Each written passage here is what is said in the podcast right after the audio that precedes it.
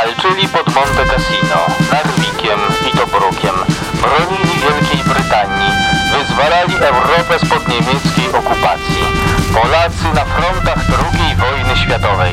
To słuchowisko historyczne, jakiego jeszcze nie było.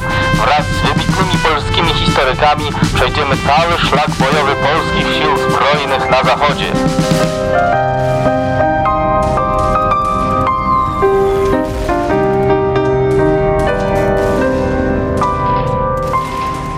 Rozdział pierwszy. Jak zdradzili nas alianci. W roku 1946 w Polsce na dobre rozgościł się nie tylko komunizm, ale i Armia Czerwona. Gwoździem do trumny naszej niepodległości i demokracji miało być referendum, które odbyło się 30 czerwca. Jednak o tym, że Polska dostanie się pod sowiecką strefę wpływów, postanowiono wcześniej na konferencjach w Teheranie i Jałcie. Działo się to już latem roku 1945.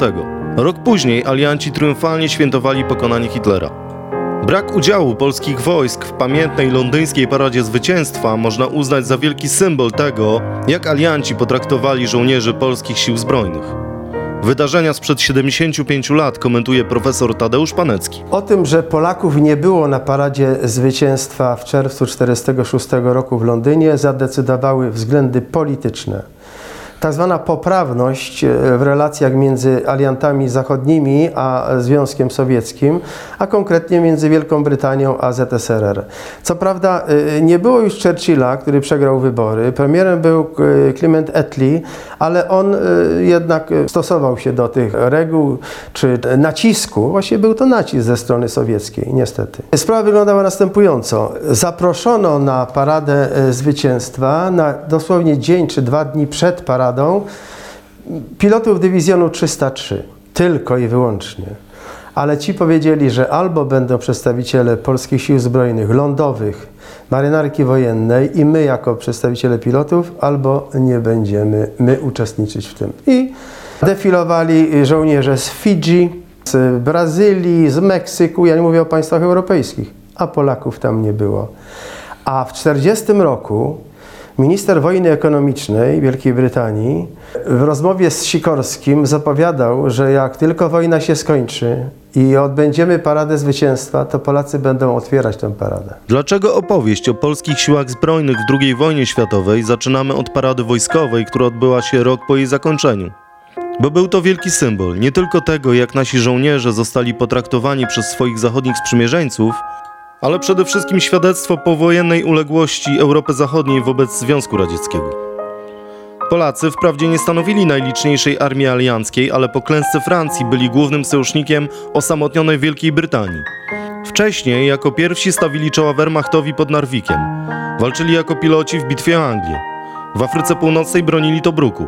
Ofiarnie ginęli w ofensywie na Półwyspie Apenińskim, wyzwalali Belgię i Holandię. O tym, jak szerokie było spektrum działań polskich żołnierzy w II wojnie światowej, opowiada pułkownik Juliusz Tym, profesor Akademii Sztuki Wojennej. Oczywiście, no, pierwsza kampania II wojny światowej, e, czyli kampania 1939 roku, no to trudno, żebyśmy tutaj nie brali udziału, skoro to my byliśmy obiektem agresji e, Niemiec, Słowacji i Związku Sowieckiego. Potem oczywiście mamy duży udział w kampanii francuskiej, no, duży w stosunku do tego potencjału bojowego, który został utworzony w ramach Wojska Polskiego we Francji. Mamy pewien mm, niewielki udział, ale jednak e, w kampanii norweskiej. E, oczywiście pewien, pewien udział w e, bitwie o Anglię. Natomiast jeżeli popatrzymy na Afrykę Północną, to tam oczywiście y, są to przede wszystkim działania e, samodzielnej brygady strzelców karpackich w obronie e, Tobruku i później częściowo jeszcze w, w walkach na pustyni. W basenie Morza Śródziemnego, czyli na Śródziemnomorskim Teatrze Działań Wojennych, to są przede wszystkim działania okrętów e, polskiej marynarki wojennej, no przede wszystkim okrętów podwodnych.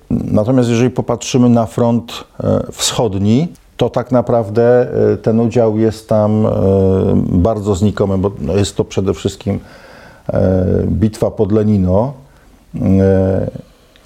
A później kolejne, e, kolejne działania to są dopiero działania, które są e, prowadzone gdzieś tam wiosną i latem 1944 roku, kiedy, kiedy już e, wojska sowieckie prowadzą działania na terytorium Rzeczpospolitej. Z kolei, jeżeli chodzi o działania na zachodzie Europy, no to jest oczywiście wysiłek drugiego korpusu w kampanii włoskiej to, jest, to są działania pierwszej dywizji pancernej generała Stanisława Maczka oraz pierwszej samodzielnej brygady spadochronowej w operacji Market Garden we wrześniu 1944 roku. Nasze lotnictwo, głównie tutaj mówią o lotnictwie myśliwskim. Dodaje Piotr Sikora, autor wydawanych w Wielkiej Brytanii książek o polskich siłach powietrznych. W czasie działań pod dowództwem e, brytyjskim zestrzeliło niemal 750 samolotów wroga. E, kolejnych 175 zniszczono prawdopodobnie i, i uszkodzono E, ponad 230 e, kolejnych.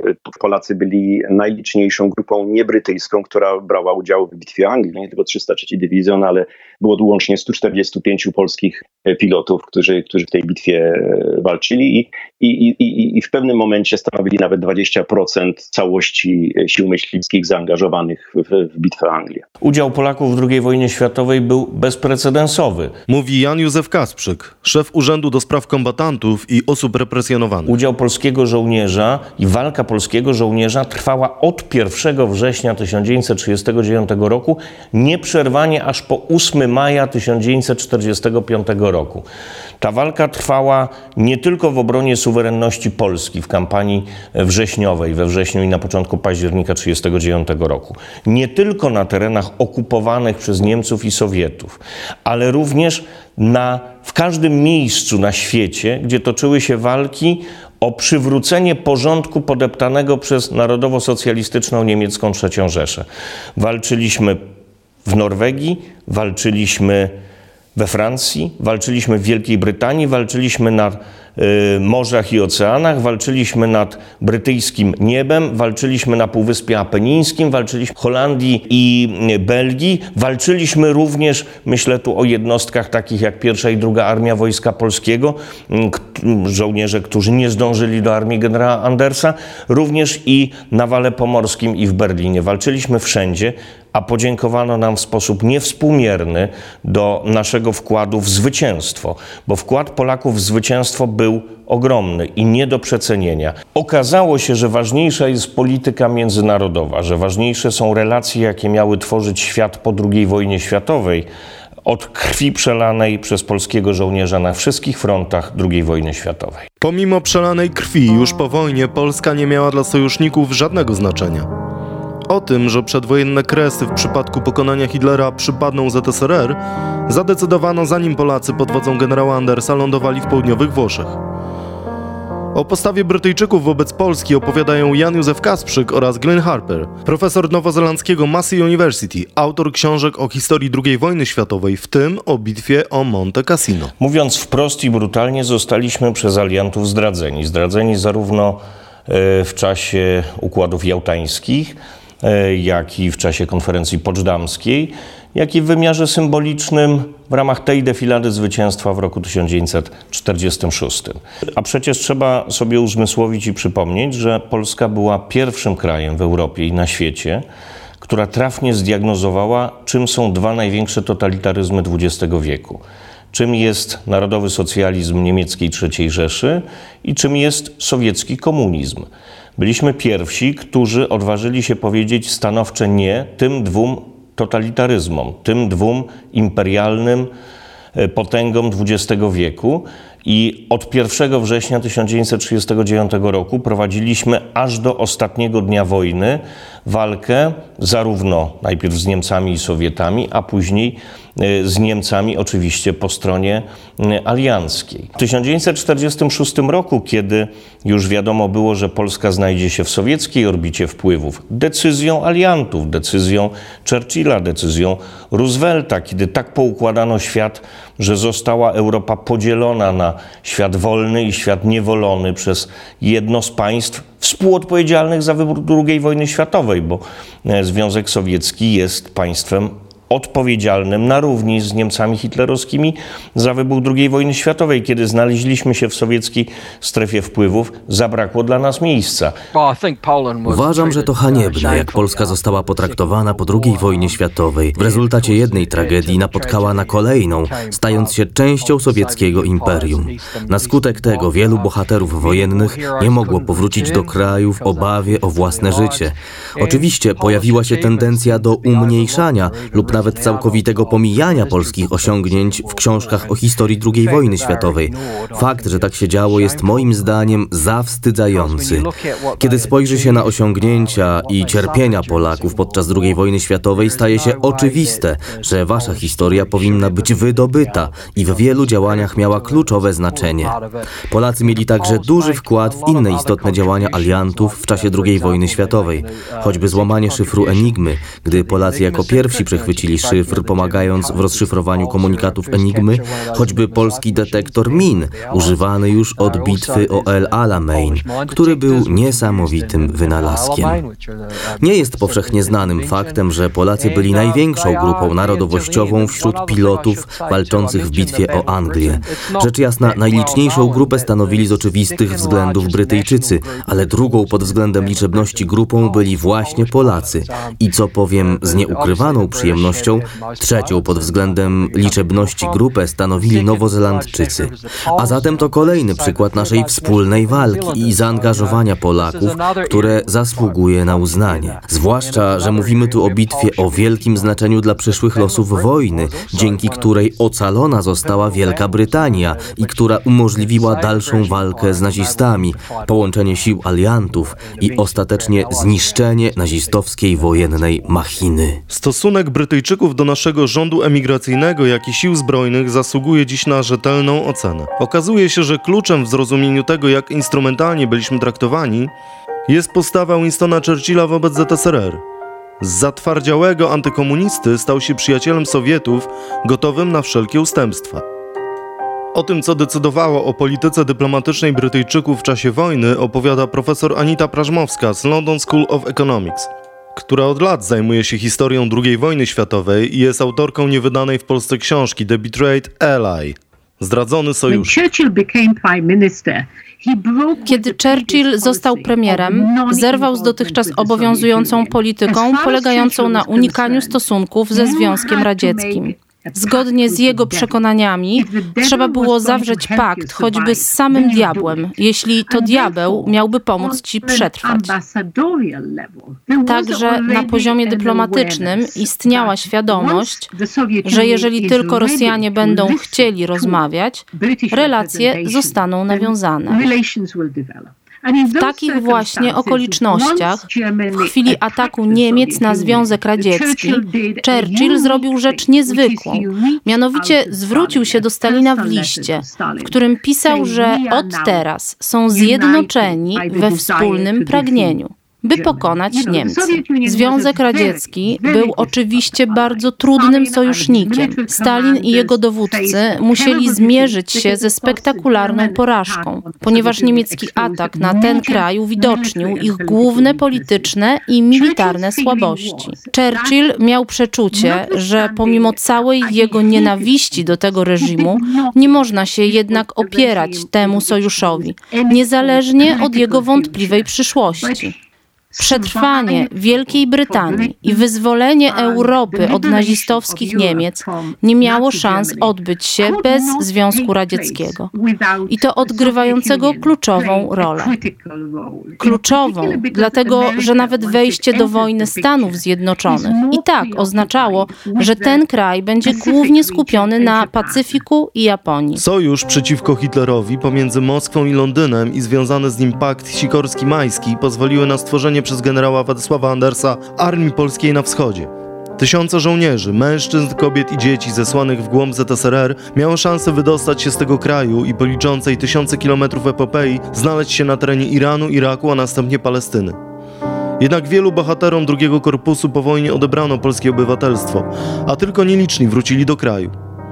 Historia polskich sił zbrojnych na zachodzie przez lata była zapomniana, o czym opowiada pułkownik Juliusz Tym. Trzeba mieć świadomość tego, że przed rokiem 1990 o wielu rzeczach po prostu nie pisano, nie nauczono, czy kładziono na to znacznie mniejszy nacisk. No i oczywiście w uwarunkowaniach komunistycznych znaczenie miały przede wszystkim te wojska, które szły ze wschodu razem z armią sowiecką oraz partyzantka komunistycznej proweniencji. Natomiast zarówno wysiłek e, Armii Krajowej, jak i wysiłek polskich sił zbrojnych e, prowadzących działania na Zachodzie był pomniejszany. Obecnie można bez jakichkolwiek problemów badać i pisać o, o, całym wysiłku polskim w czasie II wojny światowej. Z całą pewnością można powiedzieć, że do takich mniej znanych epizodów należy chociażby udział samodzielnej brygady strzelców karpackich w obronie Tobruku, chociaż w, w okresie komunistycznym o tym też trochę pisano w Polsce, e, ale myślę, że dzisiaj już jest to, e, już jest to zapomniane. No z całą pewnością również cała epopeja pierwszej dywizji pancernej e, generała Maczka zakończona działaniami w strefie okupacyjnej w Niemczech, gdzie pierwsza dywizja pancerna wraz z pierwszą brygadą spadochronową posiadały swój sektor w brytyjskiej strefie okupacyjnej. Również można tutaj wspomnieć o tym, że nie wszystkie e, fakty z działań drugiego korpusu polskiego w kampanii włoskiej są e, znane, znane Polakom i, i przebiły się do powszechnej e, świadomości historycznej. Mm, no, warto tutaj wspomnieć, że takim bardzo nietypowym pododdziałem, który funkcjonował w ramach drugiego korpusu, była Polska Kompania Komandosów, e, która co prawda nie prowadziła wówczas samodzielnych e, działań, tylko prowadziła działania w ramach drugiego korpusu, ale znaczna część z tych zadań, które, które realizowali, były to zadania typowe dla, dla wojsk specjalnych, przede wszystkim były to działania o charakterze szturmowym i niewiele osób osób wie o tym, że ta nasza kompania komandosów miała również e, pewien wkład w tworzenie e, włoskich sił zbrojnych, gdzie formowano u boku polskiej kompanii komandosów włoski odpowiednik, który był maskowany e, w strukturze drugiego korpusu jako kompania ochrony mostów. Tymczasem była to e, włoska kompania komandosów, którą wyszkolili nasi komandosi i która oba te pododdziały ramię w ramię brały udział w walkach. No ale chociażby to, że to drugi korpus wyzwolił Ankonę e, też jest e, stosunkowo mało znanym faktem, a trzeba wspomnieć o tym, że była to jedyna samodzielna operacja drugiego korpusu w kampanii włoskiej, a więc był to całkowicie polski sukces, który miał stosunkowo duże znaczenie dla, dla działań wojsk sprzymierzonych na Półwyspie Apenińskim. Wyzwolenie Ankony przez wojska drugiego korpusu polskiego generała Andersa było w pełni samodzielną operacją naszych wojsk we Włoszech a szlak bojowy został zakończony zdobyciem w kwietniu 1945 roku Bolonii. Na północy, po lądowaniu aliantów w Normandii, wojska pancerne generała Maczka wyzwalały miasta w Belgii i Holandii. W maju, tuż przed kapitulacją Rzeszy, zdobyły twierdzę Wilhelmshaven, przejmując kapitulację dowództwa floty Ostfriesland. Polacy przez trzy lata zajmowali własną strefę okupacyjną przy zachodniej granicy Niemiec z Holandią. Jednak po wojnie część żołnierzy nie miała dokąd wracać. Pochodzący z Kresów wiedzieli już, że Lwów i Wilno znajdą się w granicach ZSRR. Z kolei oficerowie i dowódcy byli narażeni na represję komunistycznego aparatu bezpieczeństwa. Wielu z polskich bohaterów po wojnie było zmuszonych ułożyć sobie życie w Wielkiej Brytanii, Kanadzie czy Stanach Zjednoczonych.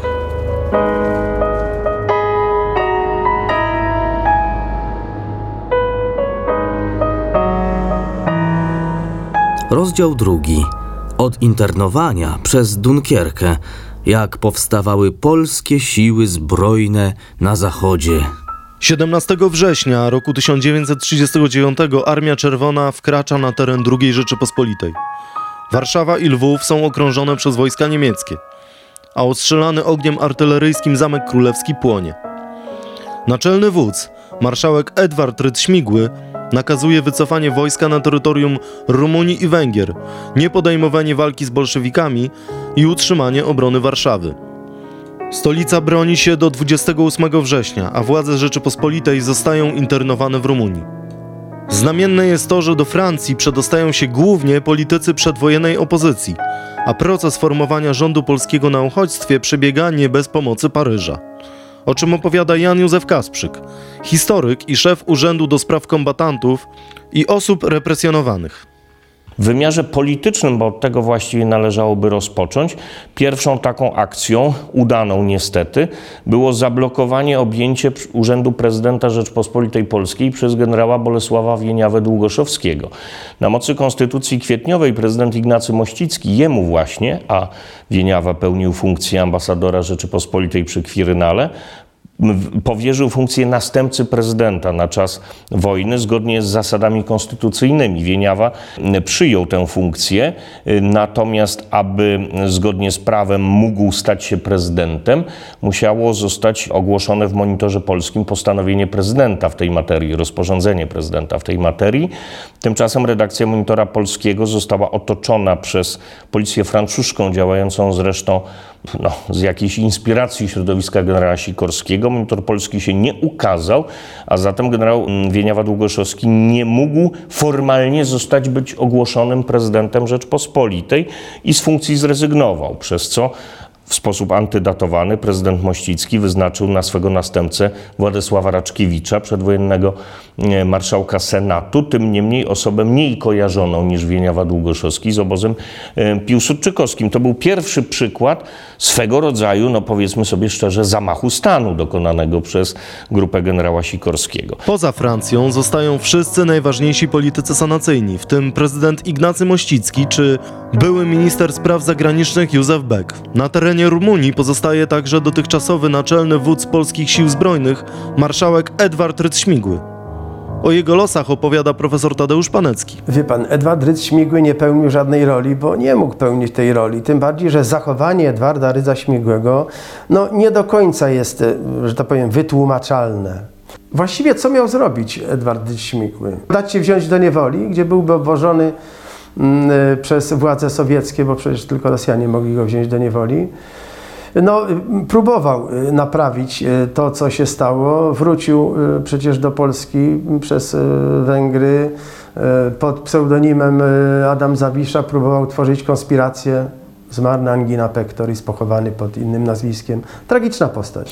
Z rządzeniem losu stało się to, iż... Dodaje Jan Józef Kasprzyk. Generał Władysław Sikorski stanął na czele polskich sił zbrojnych na zachodzie i na czele polskiego rządu w końcu września 1939 roku. Generał Sikorski, niezwykle zasłużony y, i wybitny mm, oficer zarówno w okresie I wojny światowej, jak i w wojnie polsko-bolszewickiej, był też, trzeba pamiętać, w latach 30 przede wszystkim e, politykiem, politykiem związanym z opozycją antysanacyjną i miał wyjątkowy uraz do obozu, który kierował Polską po roku 1926, do obozu Piłsudczykowskiego. Był zresztą przez ten obóz odstawiony na boczny tor. W 1939 roku we wrześniu nie dostał żadnego przydziału od naczelnego wodza marszałka Śmigłego Rydza, mm, a charakterologicznie, jak chociażby pisze o tym Stanisław Catmackiewicz, był postacią niezwykle pamiętliwą i małostkową.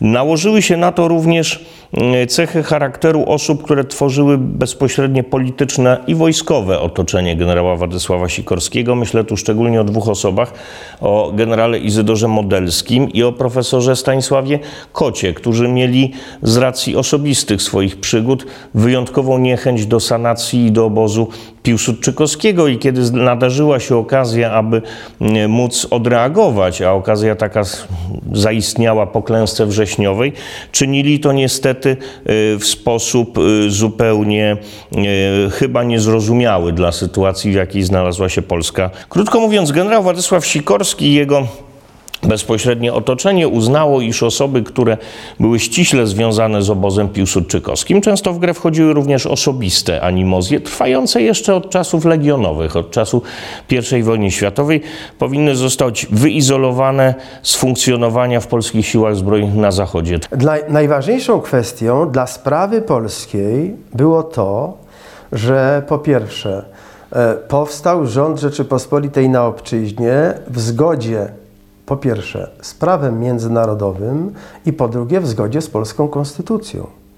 Zgoda z prawem międzynarodowym to jest zgoda z konwencją haską z 1907 roku, gdzie mówi się o tym, że e, szef państwa i władze mogą mm, być przeniesione na terytorium innego państwa i tam sprawować władzę.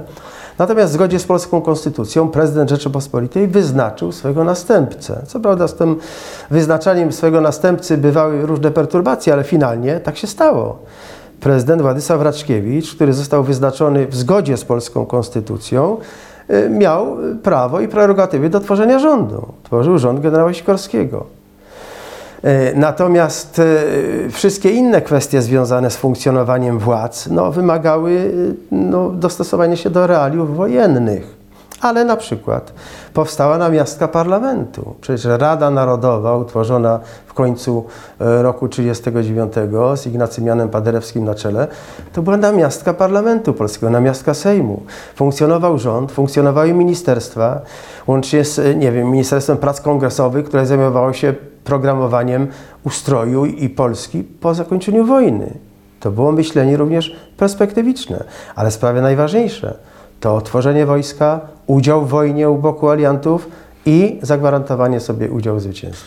Choć z dzisiejszej perspektywy trudno to zrozumieć, ale pokonanie Hitlera jeszcze w roku 1940 przez Francję było czymś, w co mogli wierzyć Polacy. Nasz sojusznik dysponował wtedy armią liczniejszą niż Wehrmacht, o podobnym potencjale wojsk pancernych i większej liczbie samolotów niż Luftwaffe. W połączeniu z Wielką Brytanią siła aliantów była znacznie większa niż potencjał III Rzeszy. Kilkadziesiąt tysięcy Polaków, którzy z fałszywymi dokumentami, w cywilnych przebraniach przedostawali się z Węgier i Rumunii do Francji, mogło wierzyć, że nasza armia odbuduje się na zachodzie i rychło zaatakuje Hitlera. Polscy dowódcy po doświadczeniach z września wiedzieli, że priorytetem w walce z Niemcami będzie stworzenie oddziałów wojsk pancernych i zmechanizowanych.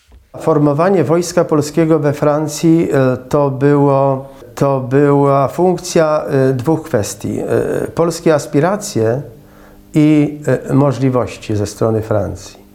Francuzi nam nie ufali, niestety uważali, że przegraliśmy tę kampanię, mówimy o kampanii wrześniowej, w sposób haniebny. Broniliśmy się tylko kilka tygodni. Nie mieli zaufania do polskich dowódców. Proponowali y, wobec y, tych planów Sikorskiego, no stworzymy polskie bataliony w składzie francuskich dywizji, prawda, i to wystarczy, bo, no, bo po prostu nie mamy do was zaufania. Sikorski musiał wyciągać, wytargać y, to po prostu, te wszystkie swoje plany i koncepcje. To, że udało się zorganizować dwie pełnowartościowe dywizje piechoty, pierwsza dywizja grenadierów, druga dywizja strzelców pieszych, zalążki trzeciej i czwartej dywizji piechoty, brygadę y, generała Maczka, brygadę pancerną, brygadę podhalańską, brygadę strzelców karpackich y, na Bliskim Wschodzie. To był ogromny wysiłek y, Polski przy tej zachowawczej postawie francuskiej. Generał Sikorski myślał o dywizji pancernej, Francuzi mu tłumaczyli, że batalion, udało się brygadę i bardzo dobrze. Francuzi początkowo w ogóle o tym nie chcieli y, słyszeć. Oni uważali, że skoro myśmy ponieśli klęskę w Dodaje pułkownik Juliusz Tym, profesor Akademii Sztuki Wojennej. kampanii 1939 roku, to żołnierze polscy mogą co najwyżej tworzyć dywizję piechoty, a nie ma mowy o jakichkolwiek y, wojskach e, zmotoryzowanych czy pancernych. Tutaj trzeba wyraźnie podkreślić, że polskie siły zbrojne mm, to są dopiero te jednostki, które są tworzone u boku Brytyjczyków. Natomiast e, ten okres francuski od e, października 1939 roku do czerwca 1940 roku mm, to jest wojsko polskie we Francji tak przynajmniej z punktu widzenia e, formalno-prawnego e, to wyglądało. Jeżeli chodzi o ten okres francuski, wtedy jeszcze pułkownik dyplomowany Stanisław Maczek, któremu udało się na rozkaz naczelnego wodza wyprowadzić 10. Brygadę Kawalerii z kraju, przeszła na, w całości na Węgry i tam została internowana. I później zarówno Stanisław Maczek, jak i jego oficerowie, żołnierze przedostają się do Francji ale początkowo pułkownik Maczek nie ma możliwości formowania oddziałów e, zmotoryzowanych czy pancernych. No, oczywiście za swoje zasługi w kampanii 1939 roku został awansowany do stopnia generała brygady, ale zostaje wyznaczony na e, komendanta obozu wojsk polskich e, w Koczkodaun. To jest jego pierwsze stanowisko i wówczas nie ma w ogóle mm, mowy o tym, aby formować jakiekolwiek oddziały zmotoryzowane czy pancerne. Niemniej jednak wówczas już pełniąc służbę na tym stanowisku, generał utworzył w pobliżu tego obozu takie, można powiedzieć, podobozy, w których grupu, grupowani są oficerowie kawalerii oraz broni pancernej, po to, aby w przyszłości z tych oddziałów stworzyć właśnie oddziały zmotoryzowane i pancerne. O tym, że wojna rozstrzygnie się w wyniku działań jednostek zmechanizowanych, Francuzi mieli przekonać się niebawem. Gdy linia Maginota okazała się linią Imaginota, jak później żartowali polscy żołnierze. Została zasadniczo ominięta przez Niemców w ramach taktyki wojny błyskawicznej. Zanim jednak Francja upadła, Polacy mieli stoczyć swoją pierwszą od września bitwę z Niemcami. I to za kołem podbiegunowym. Samodzielna Brygada Strzelców Podhalańskich brała udział w opanowaniu norweskiego portu Narvik w maju roku 1940. Znaczenie symboliczne bitwy o Narvik było takie, iż była to pierwsza zwycięska w II wojnie światowej bitwa z Niemcami, zwycięska, w której wzięli udział tak walny żołnierze Samodzielnej Brygady Strzelców Podhalańskich. Od 1 września 1939 roku ponosiliśmy właściwie same klęski, poza lokalnymi zwycięstwami w kampanii wrześniowej, ale które nie przekładały się zupełnie na przebieg e, kampanii, e, byliśmy przegrani. A tutaj nagle okazuje się, że w ramach korpusów ekspedycyjnych alianckich samodzielna Brygada Strzelców Podhalańskich, notabene szykowana przecież do wojny z Sowietami w ramach wojny zimowej, mm, odnosi zwycięstwo. To podnosiło bardzo morale zarówno w kraju, e, jak i na emigracji. Niestety na krótko, ponieważ mm, to zwycięstwo e, nastąpiło tuż przed klęską Francji. Klęska państwa, w oparciu o które budowaliśmy struktury rządu emigracyjnego oraz armię, była tragedią także dla Polski. Wiosną roku 1940 nasze wojska, składające się nie tylko z żołnierzy września, ale także licznej francuskiej Polonii czy byłych republikańskich weteranów wojny w Hiszpanii, liczyły kilkadziesiąt tysięcy żołnierzy. Przed ewakuacją Dunkierki Polacy wzięli licznie udział w obronie Francji, wykazując się niekiedy determinacją większą niż zdemoralizowana armia francuska. O tym, dlaczego Francja tak szybko uległa Hitlerowi, opowiada profesor Tadeusz Panecki. Cała kampania francuska to jest przykład niekonsekwencji, braku fachowych decyzji, właściwej postawy, strategii francuskiej. Francuscy generałowie mentalnie tkwili w okopach wojny pozycyjnej 14-18. Oni nie mieli ochoty atakować. Za linią Maginota zamknięci uważali, że wygrają wojnę. Potem, kiedy Niemcy z masowanymi atakami właśnie powtórzyli plan Schlieffena z 14 roku. Obeszli Ardeny, przez Belgię weszli do północnej Francji, gwałcąc neutralność Belgii, czyli popełnili e, ten sam manewr i tutaj Francuzi znaleźli się właściwie w kleszczach, nie byli w stanie walczyć mimo że dysponowali przewagą. Z Brytyjczykami i wojskami sojuszniczymi to była przewaga liczebna w czołgach, w samolotach. No ale jeśli Francuzi traktowali czołgi jako okopane stanowiska artyleryjskie i ogniowe, sam pół, ówczesny pułkownik de Gaulle nie czynił wiosny jako dowódca brygady pancernej, który czytał Guderiana, Actum Panzer, znał zasady wojny błyskawicznej, ale był jednym z niewielu, którzy myśleli nowocześnie. Francuzi nie byli w stanie wygrać tej kampanii w 1940 roku. Niestety. 19 czerwca 1940 roku została rozpoczęta ewakuacja oddziałów polskich do Wielkiej Brytanii. W wyniku klęski Francji wojsko polskie straciło ponad 66% swojego stanu, gdyż ponad 16 tysięcy polskich żołnierzy trafiło do niewoli, a kolejne 11 tysięcy zostało internowanych w Szwajcarii. Efektem ewakuacji prowadzonej w czasie upadku Francji było uratowanie ponad 19 tysięcy żołnierzy. Polskie siły zbrojne na zachodzie miały powstawać pod egidą Wielkiej Brytanii.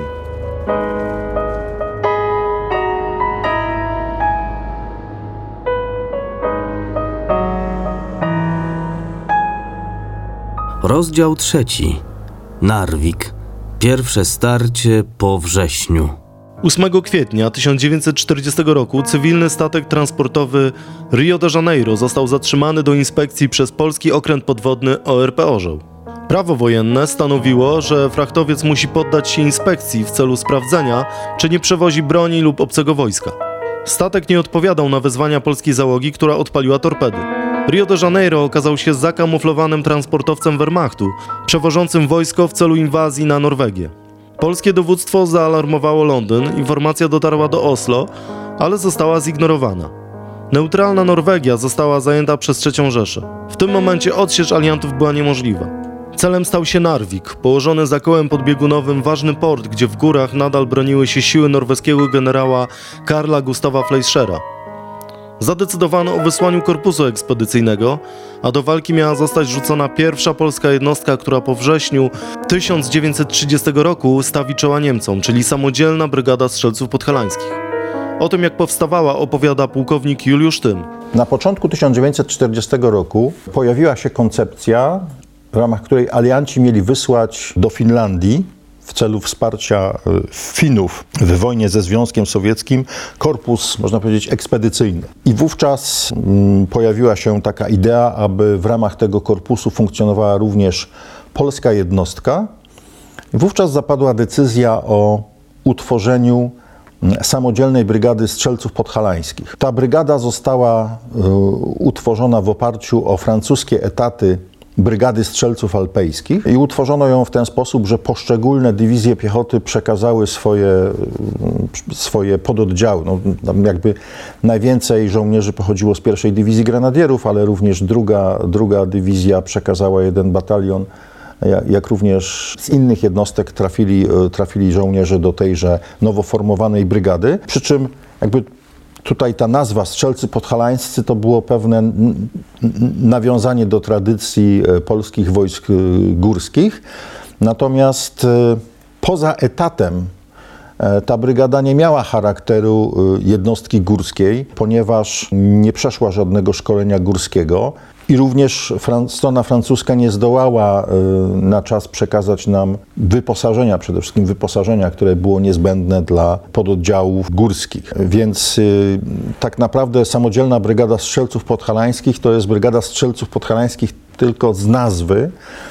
Co prawda służyło tam kilku, zaledwie kilku żołnierzy y, którzy przed wybuchem II wojny światowej pełnili służbę w pułkach strzelców podhalańskich. E, natomiast większość e, to byli żołnierze, którzy nigdy z działaniami w terenie e, górzystym nie mieli mm, zbyt wiele do czynienia. Oczywiście w toku działań wojennych okazało się, że ta idea wysłania korpusu interwencyjnego czy korpusu ekspedycyjnego do Finlandii nie dojdzie do skutku. Mm, natomiast w kwietniu zapadła decyzja, aby samodzielną Brygadę Strzelców Podhalańskich skierować do udziału w kampanii norweskiej. Brygada Strzelców Podhalańskich została właściwie utworzona w, w trybie takim alarmowym. Dodaje profesor Tadeusz Panecki. E, kiedy z e, formowanych pierwszej i drugiej dywizji piechoty wyjęto sformowane bataliony i utworzono nowy twór, nową jednostkę pod nazwą Samodzielna Brygada Strzelców Podhalańskich. Stało się to wtedy, kiedy alianci projektowali utworzenie korpusu ekspedycyjnego, kiedy, który miał udzielić pomocy walczącym Finom po agresji z 30 listopada 1939 roku. W ramach tego korpusu, i to była decyzja generała Sikorskiego, w ramach tego korpusu miały uczestniczyć polskie jednostki lądowe, właśnie ta utworzona specjalnie na front fiński, podkreślam, samodzielna brygada strzelców podhalańskich. Miał być dywizjon myśliwski, jeden przez 145, sformowany y, we Francji i to miał być polski wkład w y, udział tego korpusu w walce z Rosjanami wspólnie z Finami.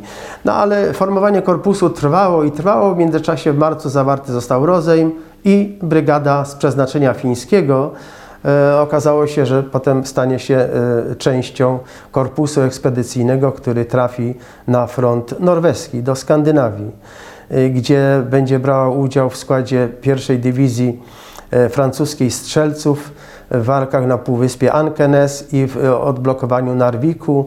Wspólnie z Brytyjczykami i szóstą Dywizją y, Norweską brygada uczestniczyć będzie w wyzwoleniu Narwiku. To jest piękna karta polskiej historii. Już 9 miesięcy od września Niemcy byli zaszokowani widokiem Polaków pod Narwikiem. Skąd się ci Polacy tu wzięli? 9 miesięcy po totalnej klęsce Polski, prawda? Celem brytyjsko-francuskiego dowództwa stało się opanowanie arktycznego miasteczka. Do walki wysłano statki Royal Navy, jednostki Gwardii Brytyjskiej, strzelców alpejskich Armii Francuskiej, półbrygady Legii Cudzoziemskiej oraz Wojsko Polskie, których dowódcą był generał Zygmunt Bohusz-Szyszko. W walkach pod Narwikiem miały wziąć udział także polskie niszczyciele ORP Grom, Burza i Błyskawica oraz statki pasażerskie jako transportowce wojska Chrobry, Batory i Sobieski. Posłuchajmy, jak operację wspomina jeden z oficerów, którego relacje odnaleźliśmy w zbiorach Narodowego Archiwum Cyfrowego. Udział Polaków w bitwie o Narwik był znaczny. Dowódca wojsk sprzymierzonych w tej bitwie, generał Betuar, już rano 29 maja gratulował Podhalanom osiągniętych sukcesów i przekazał swoje uznanie dla bojowych walorów polskiego żołnierza. A pułkownik dyplomowany Finn, przedstawiciel naczelnego wodza Armii Norweskiej przy dowództwie wojsk sprzymierzonych, w piśmie do dowódcy brygady podhalańskiej następująco scharakteryzował oddziały brygady. Korzystam z tej sposobności, żeby panu generałowi powiedzieć, że z tego co widziałem i słyszałem, oddziały pod pańskim dowództwem należą do najlepszych i najbardziej zdyscyplinowanych, jakie kiedykolwiek poznałem. Wiem, że o nich takie same ma zdanie generał Ruge i generał Fleischer. To jest y, naczelny wódz i dowódca 6 Dywizji Norweskiej. Opuszczając Norwegię, każdy z nas zdawał sobie sprawę, że do, do miejscowości i krajów, gdzie przelewała się krew polskiego żołnierza w imię nie tylko wolności Polski, została dodana nowa nazwa Fiordy Północnej Norwegii. Bitwa o Narwik jest oczywiście wielkim symbolem. Nie tylko dla Polaków, którzy 9 miesięcy po klęsce wrześniowej mogli walczyć przeciwko Hitlerowi, ale także dla aliantów, którzy stoczyli praktycznie pierwszą lądową bitwę w czasie II wojny światowej. Kampania w północnej Norwegii po 80 latach zasługuje na bardziej racjonalną ocenę, której w swojej książce dokonuje Jan Petersen mieszkający od pokoleń w Narwiku historyk i oficer norweskiej armii. To be honest, as both historian and uh, officer, the behavior of the Allied leaders in late May, I don't think I Muszę być z wami szczery, jako historyk i wojskowy. Zachowanie alianckich dowódców w maju było takim, jakiego nie należy powielać. Ich decyzja o opuszczeniu północnej Norwegii 24 maja 1940 roku była utrzymywana w ścisłej tajemnicy przed norweskim rządem oraz naszymi siłami zbrojnymi praktycznie do 1 czerwca 1940 roku. Sprzymierzeńcy nie powinni postępować w taki sposób.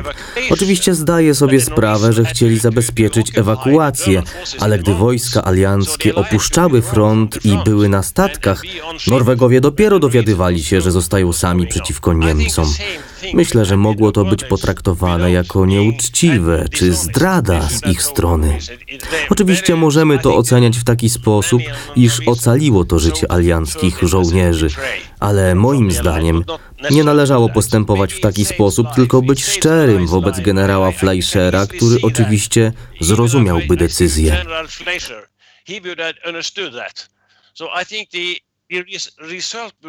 Sama ewakuacja okazała się sukcesem. Nie zginęli żadni żołnierze, ale sukces militarny powinniśmy odnosić w czasie walki, nie zaś ewakuacji.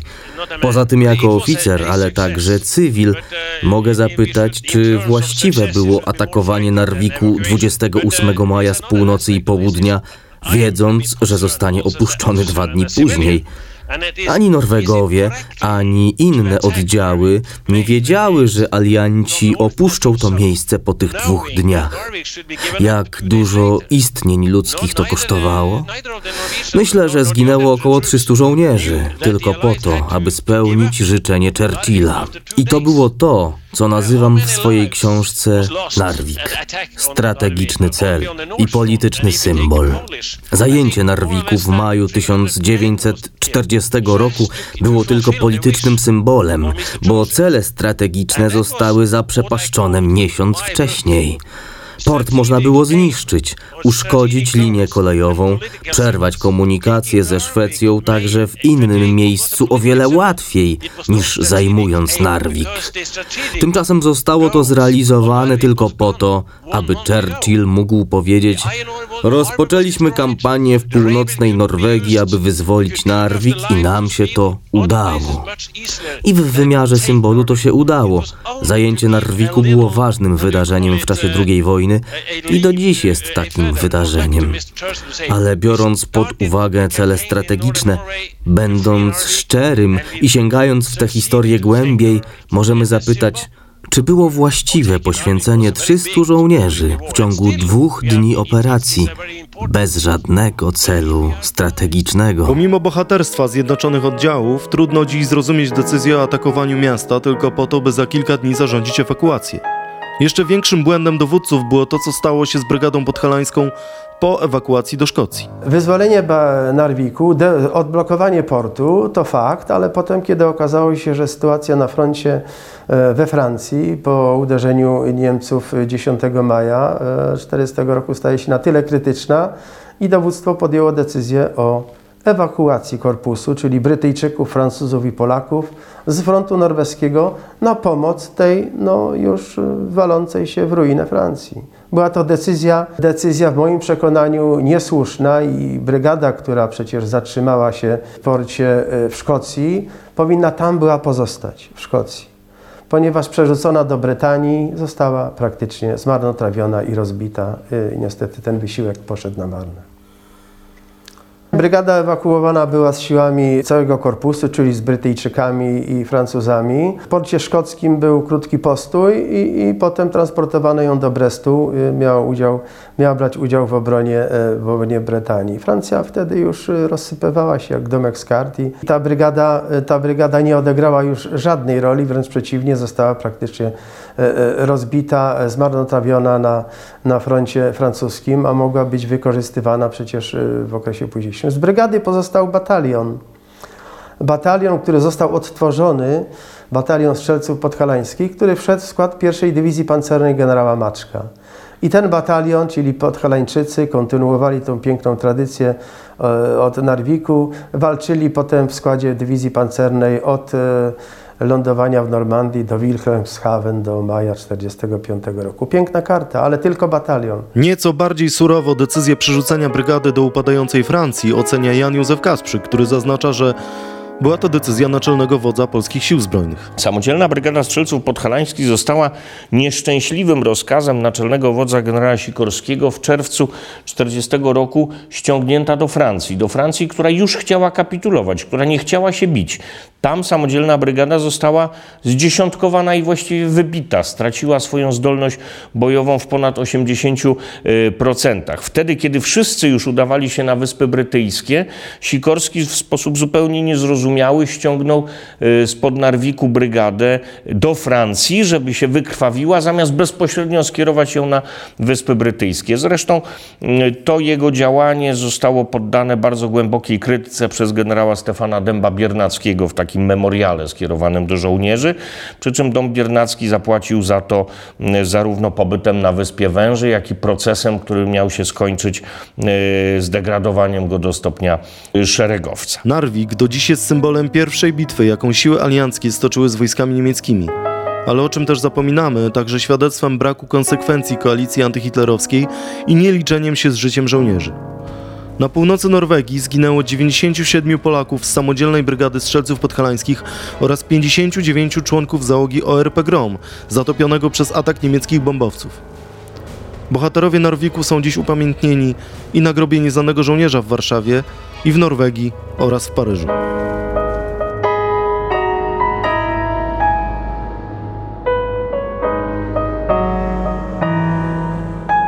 Rozdział czwarty. Asy mściciele, bohaterowie. W czerwcu 1940 roku Francji przyszło zapłacić ogromną cenę za trwającą od września bezczynność wobec Hitlera.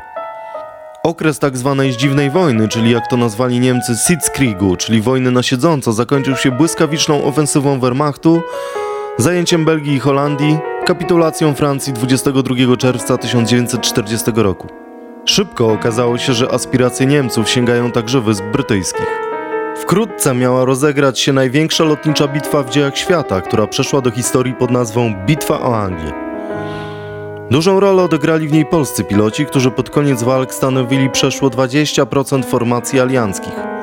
Pamiętajmy jednak, że udział Polaków w II wojnie światowej ani nie rozpoczął się od bitwy o Anglię, ani na niej nie zakończył.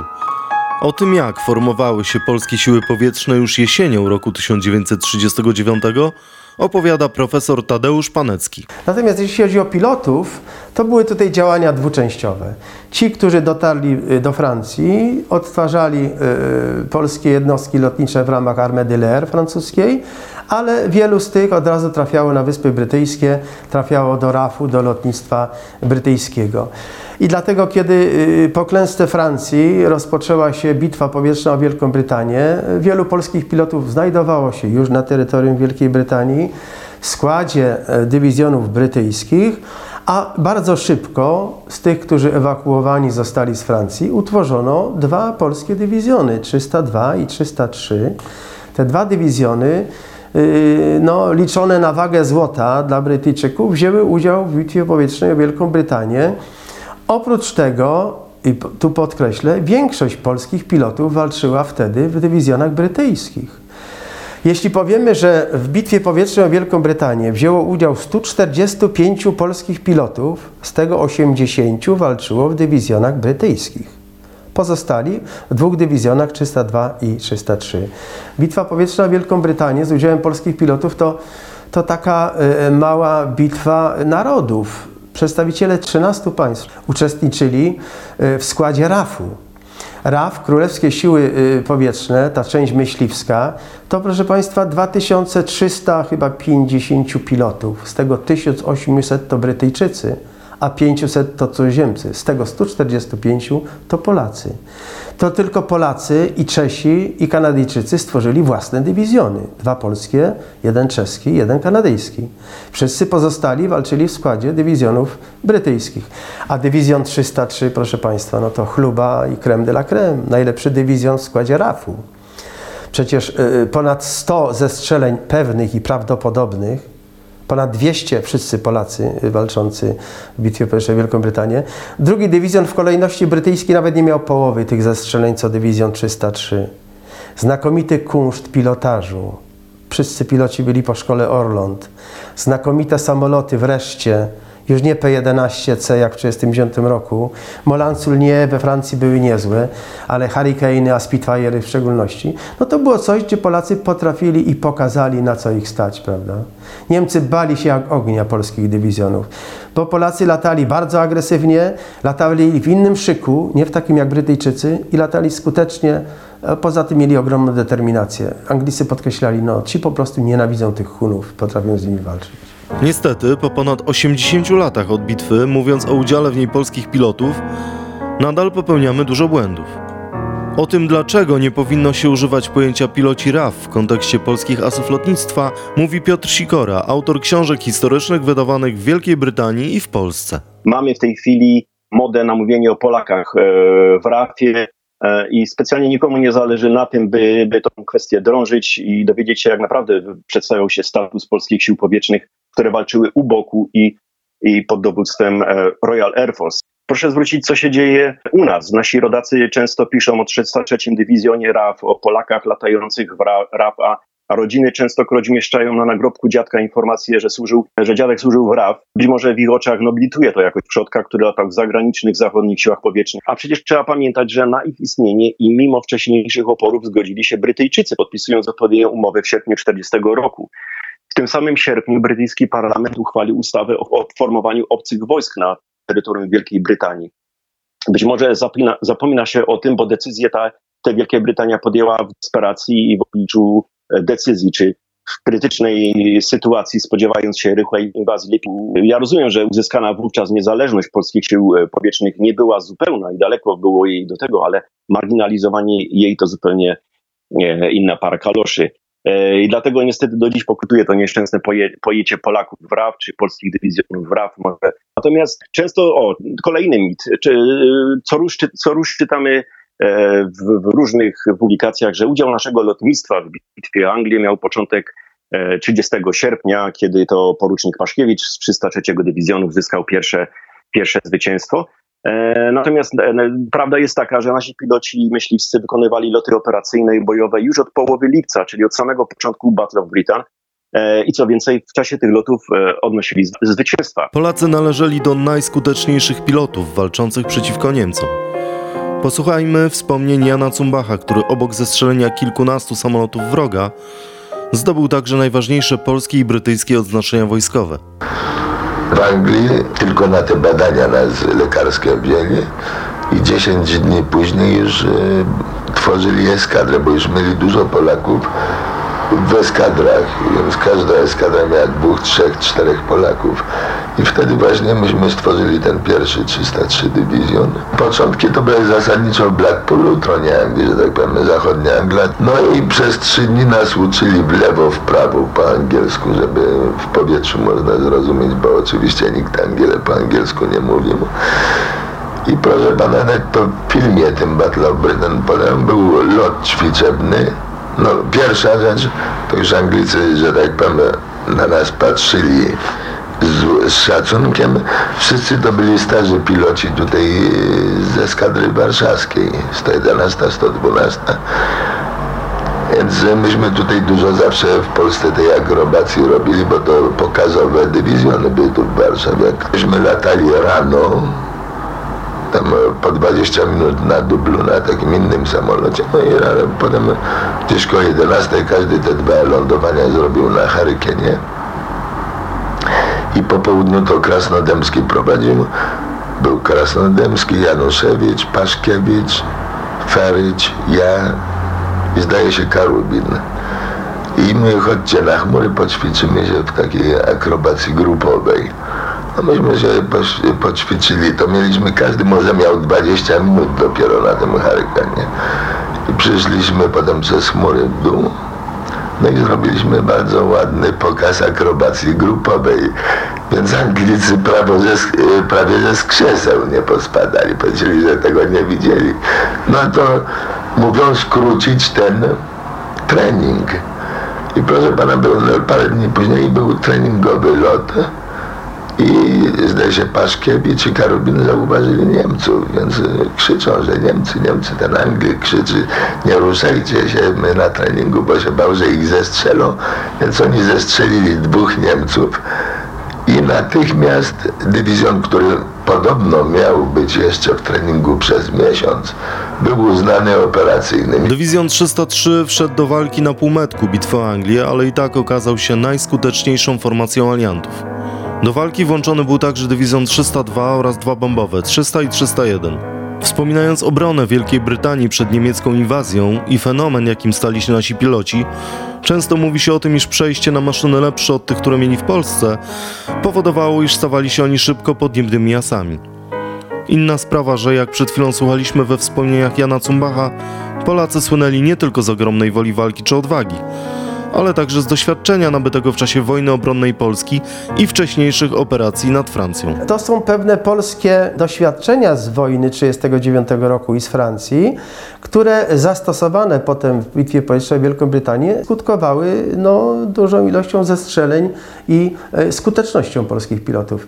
No, e, nie przesadzajmy, to nie tylko my byliśmy tacy, że tak powiem, znakomici, bo przecież rekordzista, jeśli idzie o ilość zestrzeleń, w polskim e, dywizjonie 303 to nie był Polak, to był sierżant czeski Franciszek, który zestrzelił 17 samolotów, a drugi w kolejności Urbanowicz walczący w dywizjonach brytyjskich 15. Ale tutaj ta słowiańska, może tak powiem, słowiańska zadziorność, dusza, e, determinacja walki. Anglicy no, traktowali Niemców jak przeciwników, może powiem tak. Polacy traktowali Niemców jak śmiertelnych wrogów. Przecież Polska była pod okupacją. To, co działo się w Polsce, rozstrzeliwania, terror, łapanki, no docierało w jakiś sposób na Wyspy Brytyjskie. Anglicy nie czuli tego. Oni nie czuli tej, no powiem, nienawiści do tych Hunów, którzy, prawda, tutaj próbowali zapanować nad angielskim niebem. To jeszcze raz podkreślę. Kunszt pilotażu, doskonałe wyszkolenie, znakomite samoloty, ale i cechy charakteru dobre, które sprawiły, że Taki był wynik tej, woj tej wojny powietrznej. Angielscy piloci w czasie Battle of Britain rano pili kawę czy herbatę, później wybierali się na wojnę, e, a ci, którzy przeżyli kolejny dzień, wieczorem szli do pubu, by wchylić szklaneczkę szkockiej whisky. Dodaje Piotr Sikora taki przeciętny brytyjski pilot wychował się na książkach opisujących rycerskie mm, pojedynki powietrzne z I wojny światowej, a Polacy wychowali się na wrześniu 1939 roku. Dla Anglika Niemiec nie był naturalnym wrogiem, natomiast dla naszych lotników Niemiec symbolizował naród, który od wieków nas najeżdżał, plądrował, okupował i i niewoli. Uzasadniona nienawiść do wroga, który we wrześniu atakował cele cywilne, owocowała brakiem litości dla Niemców. Dziś w brytyjskich opracowaniach historycznych przypisuje się polskim pilotom wyjątkowe okrucieństwo wobec ratujących się pilotów Luftwaffe. W książkach takich jak Fighter Boys Patricka Bishopa czy Świadkowie Johna Lewina znajdujemy informację, że Polacy otwierali do nich ogień, nie pozwalając bezpiecznie ratować się na spadochronie. O tym, ile jest prawdy w tych historiach, pytam się profesora Tadeusza Paneckiego. Tak, y, to było przeciwieństwo do tego, co działo się we wrześniu 1939 roku w Polsce. W Polsce dochodziło do aktów barbarzyństwa i y, terroryzmu lotniczego. Ja nie mówię o bombardowaniu Wielunia, bezbronnych miast, Warszawy, prawda, i tak dalej, ale były takie sytuacje, które kłóciły się i z prawem międzynarodowym, i z konwencją haską, i z konwencją genewską o traktowaniu pilotów, jeńców, prawda, i tak dalej. Przecież były przykłady, że polski pilot samolotu myśliwskiego czy bombowego zestrzelony przez Niemców, który ratując się na spadochronie, był ostrzelany i zamordowany przez załogę niemieckich samolotów. To się zdarzało we wrześniu. To był przykład tej barbarzyńskiej wojny. A z drugiej strony porucznik Skalski, który zestrzelił we wrześniu 1939 roku niemiecki samolot rozpoznawczy Henschel, piloci Pilotom udało się wylądować na przydrożnym lotnisku gdzieś pod Łowiczem. Skalski wylądował obok, opatrzył tych pilotów rannych, proszę uważać, jak się zachowuje polski pilot wobec wroga niemieckiego. Uchronił tych pilotów przed linczem miejscowych chłopów, którzy z widłami przyszli po to, żeby po prostu no, swoją złość wyładować. Ci ludzie trafili do szpitala, z, y, z, potem podobno jeszcze przesłał mi kwiaty tym pilotom, prawda, i bilet wizytowy. Natomiast w Wielkiej Brytanii Polacy traktowali wrogów tak, jak nakazują y, konwencje międzynarodowe. Jeśli pilot został zestrzelony, ratował się na spadochronie, to często polscy piloci ratowali tych Niemców zestrzelonych, którzy dotarli na ziemię przed gniewem chłopów angielskich, którzy chcieli ich zlinczować. Polacy ich ratowali. Sami mieli często kłopoty y, swoją łamaną angielszczyzną po wylądowaniu na przykład na spadochronie. Próbowali bronić się przed tym, no, no, szukającym zemsty tych ludzi, którym przecież niszczono do mosta, prawda? Że nie jesteśmy Niemcami, jesteśmy prawda, y, Polakami i tak dalej. Często uratowali z opresji niemieckich rozbitków, którzy uratowali swoje życie z samolotów. To był rewanż, przepraszam, cudzysłów duży, za wrzesień 1939 roku, jeśli chodzi o, o postawę e, pilotów wobec, wobec pilotów. Działania Polaków nad Wielką Brytanią obrosły legendą, ale mającą swoje uzasadnienie w wyjątkowych statystykach skuteczności zestrzeleń i małej ilości strat własnych. Kluczowej fazie bitwy to także wyróżniało polskie dywizjony. W raporcie podsumowującym działania Fighter Command w okresie bitwy o Anglię generał Hugh Dowding napisał o cudzoziemcach. Muszę wyznać, że trochę się obawiałem skutków ich doświadczeń i z własnych krajów i z Francji, mogących zaważyć na polskich i czeskich pilotach. Lecz moje obawy wkrótce się rozwiały, ponieważ wszystkie trzy dywizjony weszły do walki z impetem i entuzjazmem godnym pochwały. Inspirowała ich płonąca nienawiść do Niemców, która uczyniła z nich śmiertelnych przeciwników. Wspomniany wcześniej Witold Urbanowicz był jednym z pierwszych Polaków, którzy rozpoczęli służbę w brytyjskich dywizjonach. 8 sierpnia 1940 roku strącił swojego pierwszego Messerschmitta Bf-109, później Junkersa. Posłuchajmy unikatowego nagrania ze wspomnieniami asa polskiego lotnictwa. W sierpniu 1940 roku Anglia została zaatakowana przez lotnictwo niemieckie. Wyprawy bombowe szły od strony Francji pod silną osłoną Messerschmittów. Jedna z takich wypraw została skierowana na Portsmouth. Byłem wówczas w brytyjskim dywizjonie myśliwskim. Nasz dywizjon został zaalarmowany około południa i skierowany przeciwko Messerschmittom. Na wysokości 25 tysięcy stóp zaatakowały nas Messerschmitty w liczbie około 60. Nas było 13. Jeden z przeciwników po chwili siedział na moim ogonie i jego pociski przeszły mi tuż nad głową. Rozpoczęliśmy we walkę we dwójkę i z 25 tysięcy stóp zeszliśmy nad samą wodę. Losy nasze zmieniały się. Mój przeciwnik okazał się wielkim mistrzem w tym pojedynku. Chwilami zdawało mi się, że nie wymknę się. Byliśmy tuż nad wodą i każdy błędny ruch sterami mógł być dla mnie zgubny. Końcu udało mi się wejść zdecydowanie przeciwnikowi na ogon. Oddałem kilka serii ze swoich karabinów maszynowych z odległości około 100 yardów. Niemiec zrobił unik. Brzeg angielski był blisko. Przeciwnik widząc to zniżył swój lot nie więcej niż metr nad wodą, kierując się na wysoki brzeg angielski. W momencie tym doszedłem blisko jego ogona i znowu oddałem kilka serii ognia. Samolot przeciwnika zadymił i nagle wybuchnął, zderzając się z wodą. Wyrwałem swój samolot w górę, zrobiłem okrążenie nad zestrzelonym samolotem, którego kawałki lekko kołysały się na falach. Benzyna moja kończyła się. Byłem bardzo zmęczony. Po drodze do lotniska doszedłem do wniosku, że mój przeciwnik był wielkim mistrzem w walce i dał mi dobrą szkołę w tym pojedynku na małej wysokości. Witold Urbanowicz wkrótce został dowódcą dywizjonu 303, a w trakcie wojny zestrzeliwał samoloty nie tylko niemieckie, ale i japońskie, walcząc na terytorium Chin. Polscy piloci brali udział we wszystkich znaczących operacjach aliantów. Co ciekawe, stawiali czoła także wystrzeliwanym na Londyn rakietom V1 i V2, co jest mało znanym wątkiem, o którym opowiadał we wspomnieniach Jan Cumbach. Latające bomby. Ja siedziałem dwa miesiące nad tym Żeśmy gonili te bomby, żeśmy dużo zestrzelili. Były nawet wypadki, bo z początku Polacy by naleźli, że skrzydłem podnieść ją, to ona traciła równowagę. To Niemcy włożyli te zapalniki na te na skrzydła i był jeden sierżant, który ruszył te skrzydło, no i wybuch razem z tą bombą. To było bardzo trudne, bo trzeba było dość blisko strzelać. Jak pan leciał za tą bombą, to panu się silnik grzał strasznie, bo to ten i z boku strzelałem, tak lekko z boku, z tyłu, żeby za to odbyć. No, wybuchła, ja nie wiem jak przez te odłamki przyleć, ani samolot zadrapnięty nie był. Jakieś 200-250 metrów. E, to tak człowiek czasami szczęście miał, bo zwykle człowiek e, starało się strzelać w motor, to ten motor się zepsuł i, i rozrywała się na ziemi. Spektrum działań polskich lotników w czasie II wojny światowej było bardzo szerokie i trwało aż do ostatecznego zwycięstwa nad Hitlerem. Niemcy pod koniec wojny dysponowali pierwszymi samolotami odrzutowymi, znacznie szybszymi od konwencjonalnych myśliwców. Ale dla naszych pilotów nawet to nie stanowiło problemu.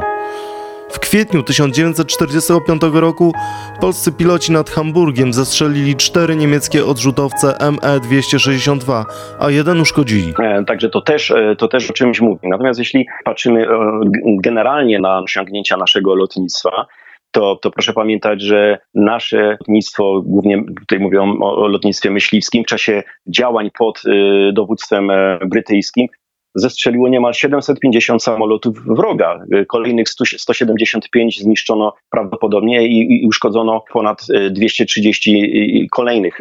Polskie dywizjony myśliwskie wykonały 74 tysiące samolotozadań. Samolotozadanie to jest, e, używa się powiedzmy przykładu jednego samolotu, który wykonuje zadanie, żeby tak e, zobrazować. Oczywiście takie przykłady można mnożyć. Proszę pamiętać, że E, najważniejszy chyba był aspekt y, psychologiczny e, działań polskiego lotnictwa na Zachodzie, bo, bo ludzie, którzy w tym czasie e, cierpieli pod jarzmem niemieckim czy sowieckim kraju, cały czas wiedzieli, że gdzieś ta Polska dalej walczy i, i, i nie zginęła. Także no oprócz tego proszę pamiętać, że mieliśmy też lotnictwo bombowe, które brało udział we wszystkich bitwach lotniczych II wojny światowej, światowej E, toczonych, toczonych w Europie. Była to już e, ofensywa bombowa, która, która miała miejsce począwszy od 1941 roku. Była bitwa o Rurę, bitwa o Hamburg, była bitwa o Atlantyk, inwazja Europy w 1944 roku, czy, czy bombardowanie wyrzutni pocisków V.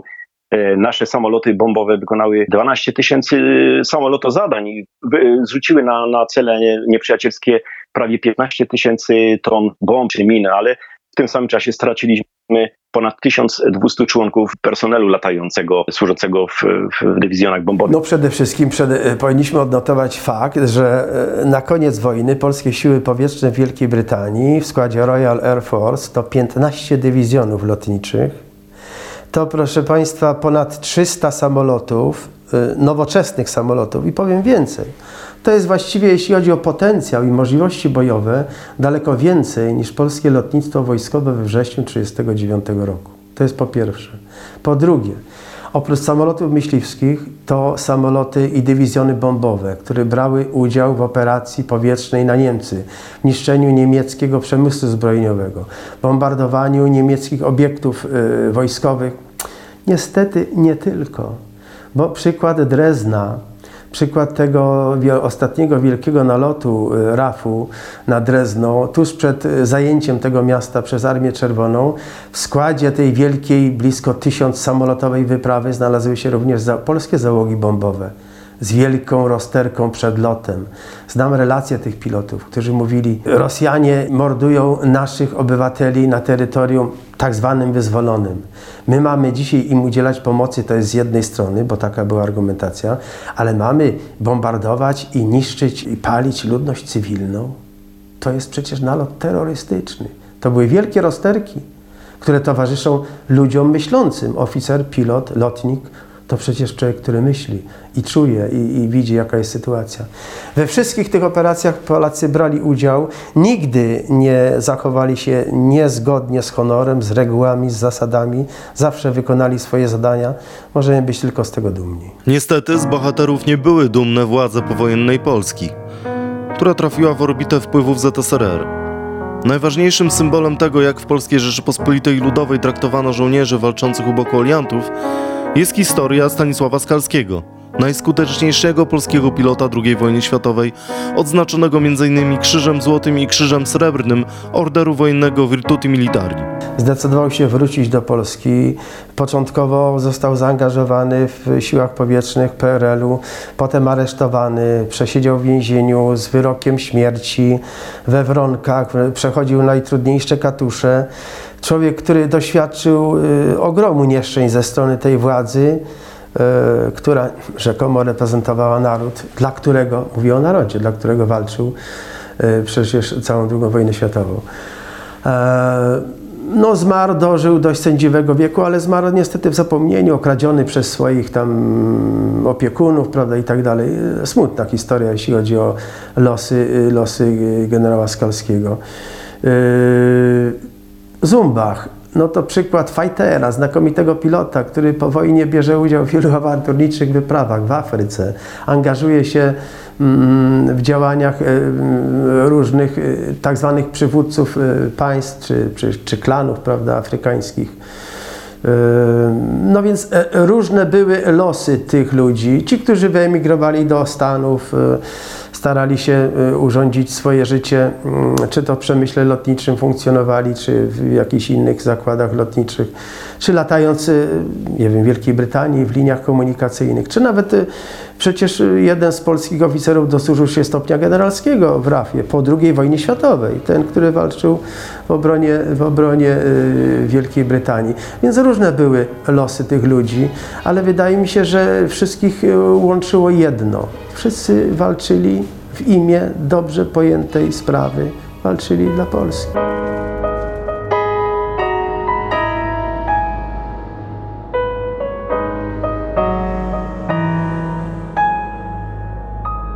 Rozdział piąty. Pod biało-czerwoną banderą. Strzały z pancernika Schleswig-Holstein są uznane za symboliczny początek II wojny światowej, choć działania na morzu nie były kluczowe w ataku Niemiec na Polskę. Flota agresora dysponowała znacznie większym potencjałem, ale sam akwen Bałtyku ze względu na głębokość morza nie był miejscem, gdzie choćby okręty podwodne mogły wykazać swoją wartość bojową. Główną rolę w czasie II wojny światowej nasze statki i marynarze mieli odegrać później, gdy trafiliśmy pod egidę brytyjskiej Royal Navy. O sytuacji z przełomu roku 1939 i 1940 opowiada profesor Tadeusz Panecki. Warto tu podkreślić, że polska marynarka wojenna odtwarzana była od samego początku po klęsce wrześniowej w Wielkiej Brytanii i w oparciu o Royal Navy. Kład do tej odbudowy dały, dał dywizjon niszczycieli e, Burza, e, Grom i Błyskawica, które w ramach operacji Peking na końcu G przed rozpoczęciem e, działań wojennych przed 1 września decyzją admiralicji i władz polskich te okręty przez Bałtyk dotarły do portów brytyjskich. Chwała, bo one zostały uratowane, bo na Bałtyku by pewnie przez Kriegsmarine zostały zniszczone. Do tych okrętów dołączyły potem dwa okręty podwodne, ORP Orzeł, który zapisał piękną epopeję, ewakuując się z Kłajpedy, z internowania przez Bałtyk, bez map, bez torped, e, przez cieśniny dotarł do Wielkiej Brytanii i Wilk, drugi polski okręt podwodny. To był ten zalążek polskiej marynarki wojennej. Z czasem Brytyjczycy dawali nam w ramach dzierżawy, nie własności, dzierżawy, kolejne okręty, łącznie z krążownikami. Mieliśmy przecież e, w historii polskiej e, floty wojennej po raz pierwszy w składzie okręt klasy krążownik. Dragon czy Konrad, prawda, po zatopieniu. A więc e, z czasem mieliśmy okręty klasy niszczyciele, okręty podwodne, oprócz tych do, dochodziły następne, przekazywane przez Brytyjczyków. Zanim polska marynarka miała okazję na nowo sformować się u boku morskiej potęgi, jaką była Wielka Brytania, najpierw trzeba było uciec z pułapki, którą stał się Bałtyk. Pokiereszowane okręty podwodne ORP Sęp, Ryś oraz Żbik musiały szukać skrojenia w Szwecji, gdzie zostały internowane na okres całej II wojny światowej. Podobny los miał spotkać najnowocześniejszy polski okręt podwodny ORP Orzeł, który z chorym komandorem Henrykiem Kłoczkowskim zawinął do estońskiego Talina, gdzie także został zatrzymany. Polska załoga zdecydowała się na brawurową ucieczkę ze strzeżonego portu. Oto jak wydarzenia z października wspominał porucznik Jan Grudziński, jeden z polskich bohaterów i jedyny w historii oficer polskiej marynarki wojennej, któremu order wojenny Virtuti Militari nadano dwukrotnie. O drugiej w nocy zaproszono wartownika estońskiego na pokład, na papierosa. Dalej wszystko odbyło się w ciągu jednej minuty. Kiedy zgasło światło, obaj wartownicy zostali bez hałasu obezwładnieni, odcięte zawczasu cumy spadły do wody, z hałasem runął trap i orzeł powoli ruszył w kierunku wyjścia. Nie zdążyliśmy dojść do mola, gdy padł strzał alarmowy z pokładu estońskiego okrętu wojennego. Poszły w ruch reflektory. Nie mogliśmy wykręcić się w ciasnym basenie i wpadliśmy dziobem na kamienie przy falochronie. Żeby ściągnąć się, musieliśmy uruchomić mocno hałasujące diesle. Trwało to kilka minut i wystarczyło, aby Estończycy otworzyli na nas ogień karabinowy z molo. Na szczęście nie mogli strzelać z armat, bo bali się w ciemnościach trafić we własne okręty stojące w porcie. Nareszcie minęła dość przykra chwila ściągania się i ruszyliśmy naprzód, na morze. Tutaj właśnie na nas czekało największe niebezpieczeństwo. Natychmiast weszły w pościg estońskie okręty wojenne i poszły w ruch prożektory. Z fortu na wyspie zaczęły padać pociski ciężkiego kalibru. Gdy tylko sonda wykazała, że mieliśmy dość wody pod sobą, natychmiast zanurzyliśmy się. Ale i wtedy Estończycy nie dali za wygraną. Słyszeliśmy jedną po drugiej detonację bomb głębinowych. Ale czuliśmy się już stosunkowo bezpieczni. Mieliśmy dość wody pod sobą i nad sobą i kierowaliśmy się do wyjścia z Zatoki Fińskiej. Na Bałtyku przebywaliśmy jeszcze przez trzy tygodnie. Trudno mi byłoby nawet pokrótce opowiedzieć nasze dzieje w tym okresie. Gdy wreszcie dotarliśmy do Anglii, nie mieliśmy na pokładzie zupełnie słodkiej wody. Mało by brakowało, a zginęlibyśmy pod wodą z pragnienia. ORP Orzeł wyjątkowo zapisał się w historii II wojny światowej. To z jego udziałem miało miejsce wydarzenie będące preludium do niemieckiego ataku na Norwegię. O okolicznościach odpalania torped w cywilny statek Rio de Janeiro, który jednak nie okazał się cywilnym, opowiada dr Hubert Jando, historyk od lat zajmujący się dziejami Orła i organizator ekspedycji mających na celu odnalezienie wraku okrętu. Podczas swojego czwartego samodzielnego patrolu na dzień przed inwazją Niemiec na Norwegię zatopił niemiecki transportowiec wojska Rio de Janeiro, który przewoził dosyć dużo sprzętu wojskowego, bo tam były z tego co pamiętam cztery działa 105 mm, sześć chyba 20 mm, 300 ponad 300 żołnierzy, piechurów, którzy właśnie mieli przeprowadzić ten najazd na, na, na neutralną Norwegię. Tam było też kilkanaście pojazdów, kilkadziesiąt koni i, i różnego rodzaju materiałów wojennych. Okręt został zatopiony, mimo tego, że w historiografii jakby podawano parę razy, na, stwierdzono, że na wodach terytorialnych Norwegii jest to nieprawdziwa informacja. Został z, um, zatrzymany zgodnie z obowiązującym prawem z, z uwagi na fakt, że pod pokładem e, statku handlowego, bo tak figurował w spisach ten, ten statek Rio de Janeiro, znajdowało się właśnie tych 300 tam ponad żołnierzy przygotowujących się do inwazji na Norwegię. Został e, statek skontrolowany z uwagi na fakt, że po prostu nie poddał się tym wytycznym, które dowódca, czyli kapitan Grudziński nakazał. Okręt został storpedowany, wynikiem czego z, zauważono, był to jeden z symptomów właśnie tego, że ta inwazja na Norwegię jest przygotowywana. W archiwum Polskiego Radia zachowała się relacja jednego z członków załogi. Oto jak zatopienie zakamuflowanego transportu z żołnierzami Wehrmachtu wspominał mat ORP Orzeł Felix Prządak. Okręt ten był zamaskowany. Patrząc na napis okrętu, wychodziliśmy z założenia, że to jest okręt brazylijski. Lecz dowództwu przyszło na myśl, co tu by robił okręt brazylijski. Porucznik Piasecki, zdaje się, wziął Jones Book, w którym y, były sylwetki okrętów całego świata. I Rio de Janeiro, który był zauważony przez Orła, nie zgadzał się z rzeczywistą sylwetką Rio de Janeiro. Wtedy nam się nasunęło, że to na pewno jest okręt niemiecki. Wynurzyliśmy się jakieś 1500 metrów od burty, gotowi do ataku na Rio de Janeiro. Rio de Janeiro otrzymał kilka od nas sygnałów ratierem, lecz na żaden nie odpowiadał. Wtedy dowódca polecił, aby oddać do niego kilkanaście strzałów z broni maszynowej. Wtedy otworzono ogień z dwóch karabinów maszynowych. Po jakich dwóch, trzech minutach Rio de Janeiro odpowiedział nam. Wtedy dowódca kazał jeszcze raz nadać sygnał, że jeśli za pięć minut nie przyjadą do nas i się nie wylegitymują, wykonamy strzał torpedowy.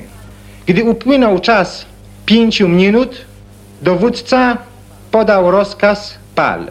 Nastąpiła eksplozja.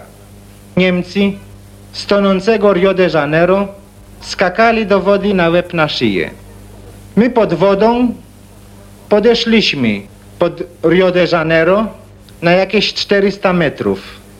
Obserwując to przez peryskop, Niemcy zaczęli opuszczać łodzie. Okręt Rio de Janeiro zaczął powoli tonąć. Wtedy wykonaliśmy cyrkulację pod wodą, przeszliśmy na drugą burtę Rio de Janeiro i strzeliliśmy drugą torpedę. Po oddzieleniu się dymu od wody okrętu już nie było widać. Wtedy pojechaliśmy na miejsce. Naszym oczom dokładnie okazało się, że ludzie ci wszyscy to byli żołnierze hitlerowscy, ubrani w mundury, niektórzy nawet hełmy mieli na ramionach. Chcieliśmy wziąć kogoś, dla otrzymania konkretnych wiadomości, lecz wszyscy byli nieżywi.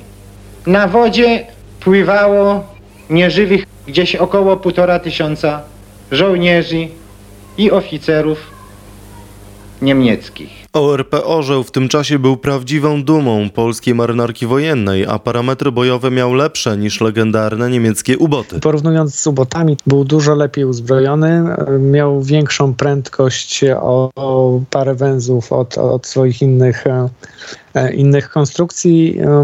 Zastosowano różnego rodzaju nowinki techniczne. Miał 12 wyrzutni torpedowych, 4 na dziobie, cztery na rufie i osiem obracalnych, które znajdowały się na międzypokładziu, czyli tak naprawdę można było strzelać w różnych kierunkach praktycznie z tego okrętu.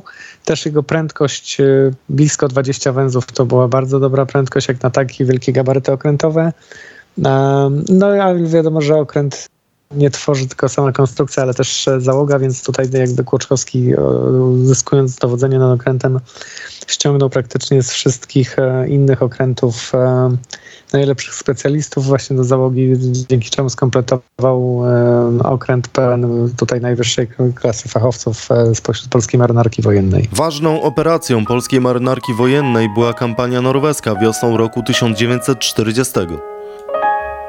Wojska alianckie z udziałem samodzielnej brygady strzelców podhalańskich na krótki czas przejęły kontrolę nad portem w Narwiku, co miało sparaliżować transport szwedzkiej rudy żelaza do III Rzeszy. Niestety w działaniach na Morzu Norweskim straciliśmy ORP Gron. Został trafiony przez Niemców w czasie wsparcia wojsk lądowych w Rembakenfjordzie pod Narwikiem. O walkach polskich niszczycieli opowiada profesor Akademii Sztuki Wojennej, pułkownik Juliusz Ty. Trzeba pamiętać o tym, że w ramach operacji Peking pod koniec sierpnia 1939 roku trzy polskie niszczyciele, a więc e, Burza oraz dwa nowoczesne Błyskawica i Grom przeszły do Wielkiej Brytanii i dalej prowadziły działania e, wojenne, operując e, z brytyjskich portów pod e, brytyjskim dowództwem operacyjnym. Stąd też w kampanii norweskiej, poza udziałem samodzielnej brygady strzelców podhalańskich, mamy również udział tych dwóch nowoczesnych niszczycieli, a więc błyskawicy i groma. Te niszczyciele wykonywały takie same zadania, jakie wykonywały niszczyciele brytyjskie. Czyli jeżeli chodzi o bitwę o Narvik, o tę fazę końcową e, bitwy, która była prowadzona w maju i na przełomie, e, przełomie maja i czerwca 1940 roku, mm, to są, były przede wszystkim zadania dozorowania. Takim samodzielnym zadaniem, które było stosunkowo niebezpieczne, dla tych niszczycieli to było dozorowanie wyjścia z Rombakenfjordu na e, Öftofjord i prowadzenie ostrzału e, na linię kolejową, która łączyła Narvik z, ze Szwecją, ponieważ niemieckie wojska wykorzystywały e, tę linię kolejową, przede wszystkim tunele tejże linii kolejowej jako schrony dla takich improwizowanych pociągów pancernych czy też platform artyleryjskich, z których prowadziły ogień w stronę okrętów alianckich operujących na wodach Oftofjordu. No i chodziło przede wszystkim o to, aby tę, tę artylerię zniszczyć tak, aby nie mogła ona przeciwdziałać w próbie wysadzenia desantu na Półwyspie Narwickim. I w czasie wykonywania właśnie tego zadania jeden z naszych niszczycieli, konkretnie ORP Grom, został zaatakowany przez niemieckie samoloty bombowe, które niestety uzyskały trafienie i Grom pozostał na zawsze y, w głębinach e, Rombakenfjordu. Niebawem zniszczony został także okręt podwodny ORP Orzeł ze swoją bohaterską załogą. Do dziś znana jest tylko data jego zatopienia, a przyczyny nadal nieznane. Dr Hubert Jando w swojej książce przedstawił aż 8 hipotez związanych z ostatnim rejsem okrętu. Wykluczając kolejne, przychyla się do najbardziej prawdopodobnej, iż orzeł padł ofiarą ostrzału z brytyjskiego samolotu. To było dosyć częste, może nie nagminne, ale częste zdarzały się takie sytuacje, że właśnie różnego rodzaju samoloty, samoloty głównie alianckie bombardowały, atakowały swoje okręty, głównie z tego powodu, że obawa przed ubotami niemieckimi jakby była bardzo duża i dlatego też rozkazy, które się zachowały, wskazywały, że Brytyjczycy mieli atakować tak naprawdę wszystko, co nie miało kominów. Jeżeli widzieli jakieś takie okręty właśnie bez kominów, sugerujące, że był to okręt podwodny, bezwzględnie nakazywano właśnie atak na taki, na taki okręt. Ja też w książce swojej wyodrębniłem parę takich e, ataków, które miały miejsce jakby do maja, przełomu maja i czerwca 40 roku, kiedy Orzeł wyszedł na ten swój feralny ostatni patrol. I rzeczywiście przynajmniej cztery takie ataki udało mi się odnaleźć, gdzie Akurat może nie zawsze się te, te okręty na szczęście dla, dla ich załóg e, udawało zatopić, ale na przykład pewnego rodzaju uszkodzenia, które tam występowały, mogły sugerować, że rzeczywiście takie ataki były śmiertelne dla, dla okrętów podwodnych. I rzeczywiście to zdarzało się dosyć często, dlatego też e, tutaj jakby historia cała związana, ta hipoteza związana z tym atakiem lotniczym jest e, też dosyć mocno skomplikowana, bo wiadomo, że jakby głównym punktem wyjścia jest raport brytyjskiego lotnika, który został datowany na 3 czerwca na godzinę 8.04, gdzie pilot brytyjski opisuje w dosyć dokładny sposób atak wykonany na okręt podwodny, zawierając w takim raporcie, który był obligatoryjny po wykonanym ataku e, rysunek sylwetki atakowanego okrętu. Ja mając przez chwilę zajęcia z studentami w Akademii Marynarki Wojennej przy okazji właśnie robienia doktoratu, zadałem studentom takie zadanie, że pokazałem im najbardziej jakby popularny okręt podwodny niemiecki, czyli U-bot typu 7 i drugie zdjęcie to było zdjęcie orła i poprosiłem ich, żeby w ciągu paru e, dosłownie chwil narysowali tak wcielając się w pozycję nawigatora tego samolotu sylwetkę okrętu podwodnego i proszę mi wierzyć, że 99% tych ludzi, którzy tam byli, narysowali rysunek bardzo zbliżony do tego, który narysował pilot, pilot e, brytyjskiego samolotu, czy nawigator brytyjskiego samolotu. Co jest jakby pewnym dowodem, że e, pośrednim dowodem na to, że, że być może ten atak miał coś wspólnego z Orłem. Wspominając o ubotach, to właśnie w wyniku ich działań dochodziło do najtragiczniejszych zatopień statków. Załogi często nie miały możliwości ratowania się w lodowatej wodzie oceanu. Bitwa Atlantyk przyniosła kilkadziesiąt tysięcy ofiar, w tym i polskich marynarzy. 8 października 1943 roku płynący w eskorcie konwoju ORP Orkan został zatopiony torpedą akustyczną przez niemiecki okręt podwodny U-378. Na okręcie zginęło 178 Polaków i 20 Brytyjczyków. Była to największa pod względem liczby ofiar strata naszej marynarki wojennej. Polskie statki poza działaniami na Atlantyku odgrywały ważną rolę w operacji Torch i późniejszym desancie na Sycylię. Posłuchajmy wspomnień polskich marynarzy i oficerów. W rejonie Morza Śródziemnego działali, jeśli chodzi o jednostki nadwodne, działali e, takie jednostki jak Błyskawica, Piorun, e, Garland, Krakowiak i Ślązak. W tym rejonie brali również udział nasze lodzie podwodne. Obydwie te lodzie, które brały na e, udział na Morzu Śródziemnym zostały przezwane przez Anglików Terrible Twins, to jest dzik i sokół. E, się one tym, że po prostu podczas e, e ewakuacji Niemców z Korsyki, z Sycylii i tak dalej, po prostu torpedowali barki desantowe na powierzchni Łodzi. A e, oczywiście zatopionych okrętów na swoim koncie miały bardzo dużo. Jedno było pewne, nie wiedzieliśmy nigdy, kiedy możemy zostać zaatakowani, czy co może nastąpić, czy my jeszcze wyjdziemy z tego dołu. Tym bardziej, że w kotłowni, no to przecież trzeba dwoma kretingami zejść na dół, to jest około 8 do 9 metrów głęboko od górnego pokładu. To człowiek nigdy nie przeczuwał, co się dzieje, bo jednak y, w czasie wojny się okazało, że na przykład Dragon zginęła przeważnie załoga maszynowa, o ile chodzi o Orkana, zginęła cała załoga maszynowa o ile chodzi o groma, zginęła załoga maszynowa, bo ci się już nie wydostali z dołu.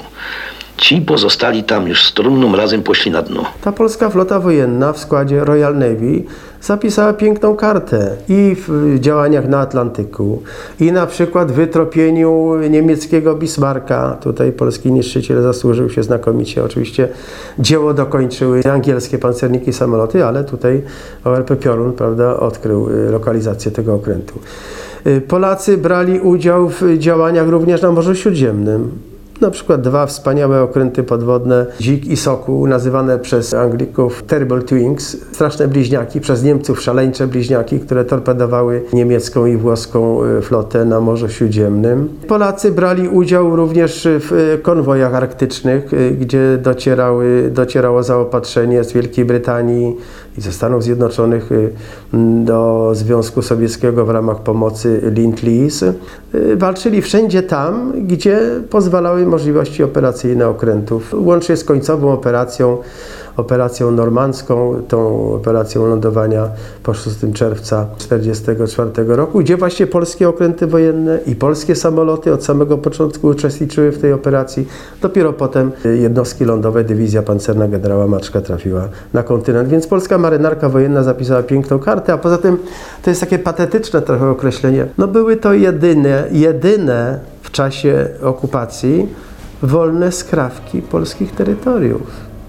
Przecież pokład okrętu podwodnego jest suwerennym terytorium państwa, które jest właścicielem tego okrętu. To były te wolne y, skrawki suwerennej Rzeczypospolitej walczącej z wrogami.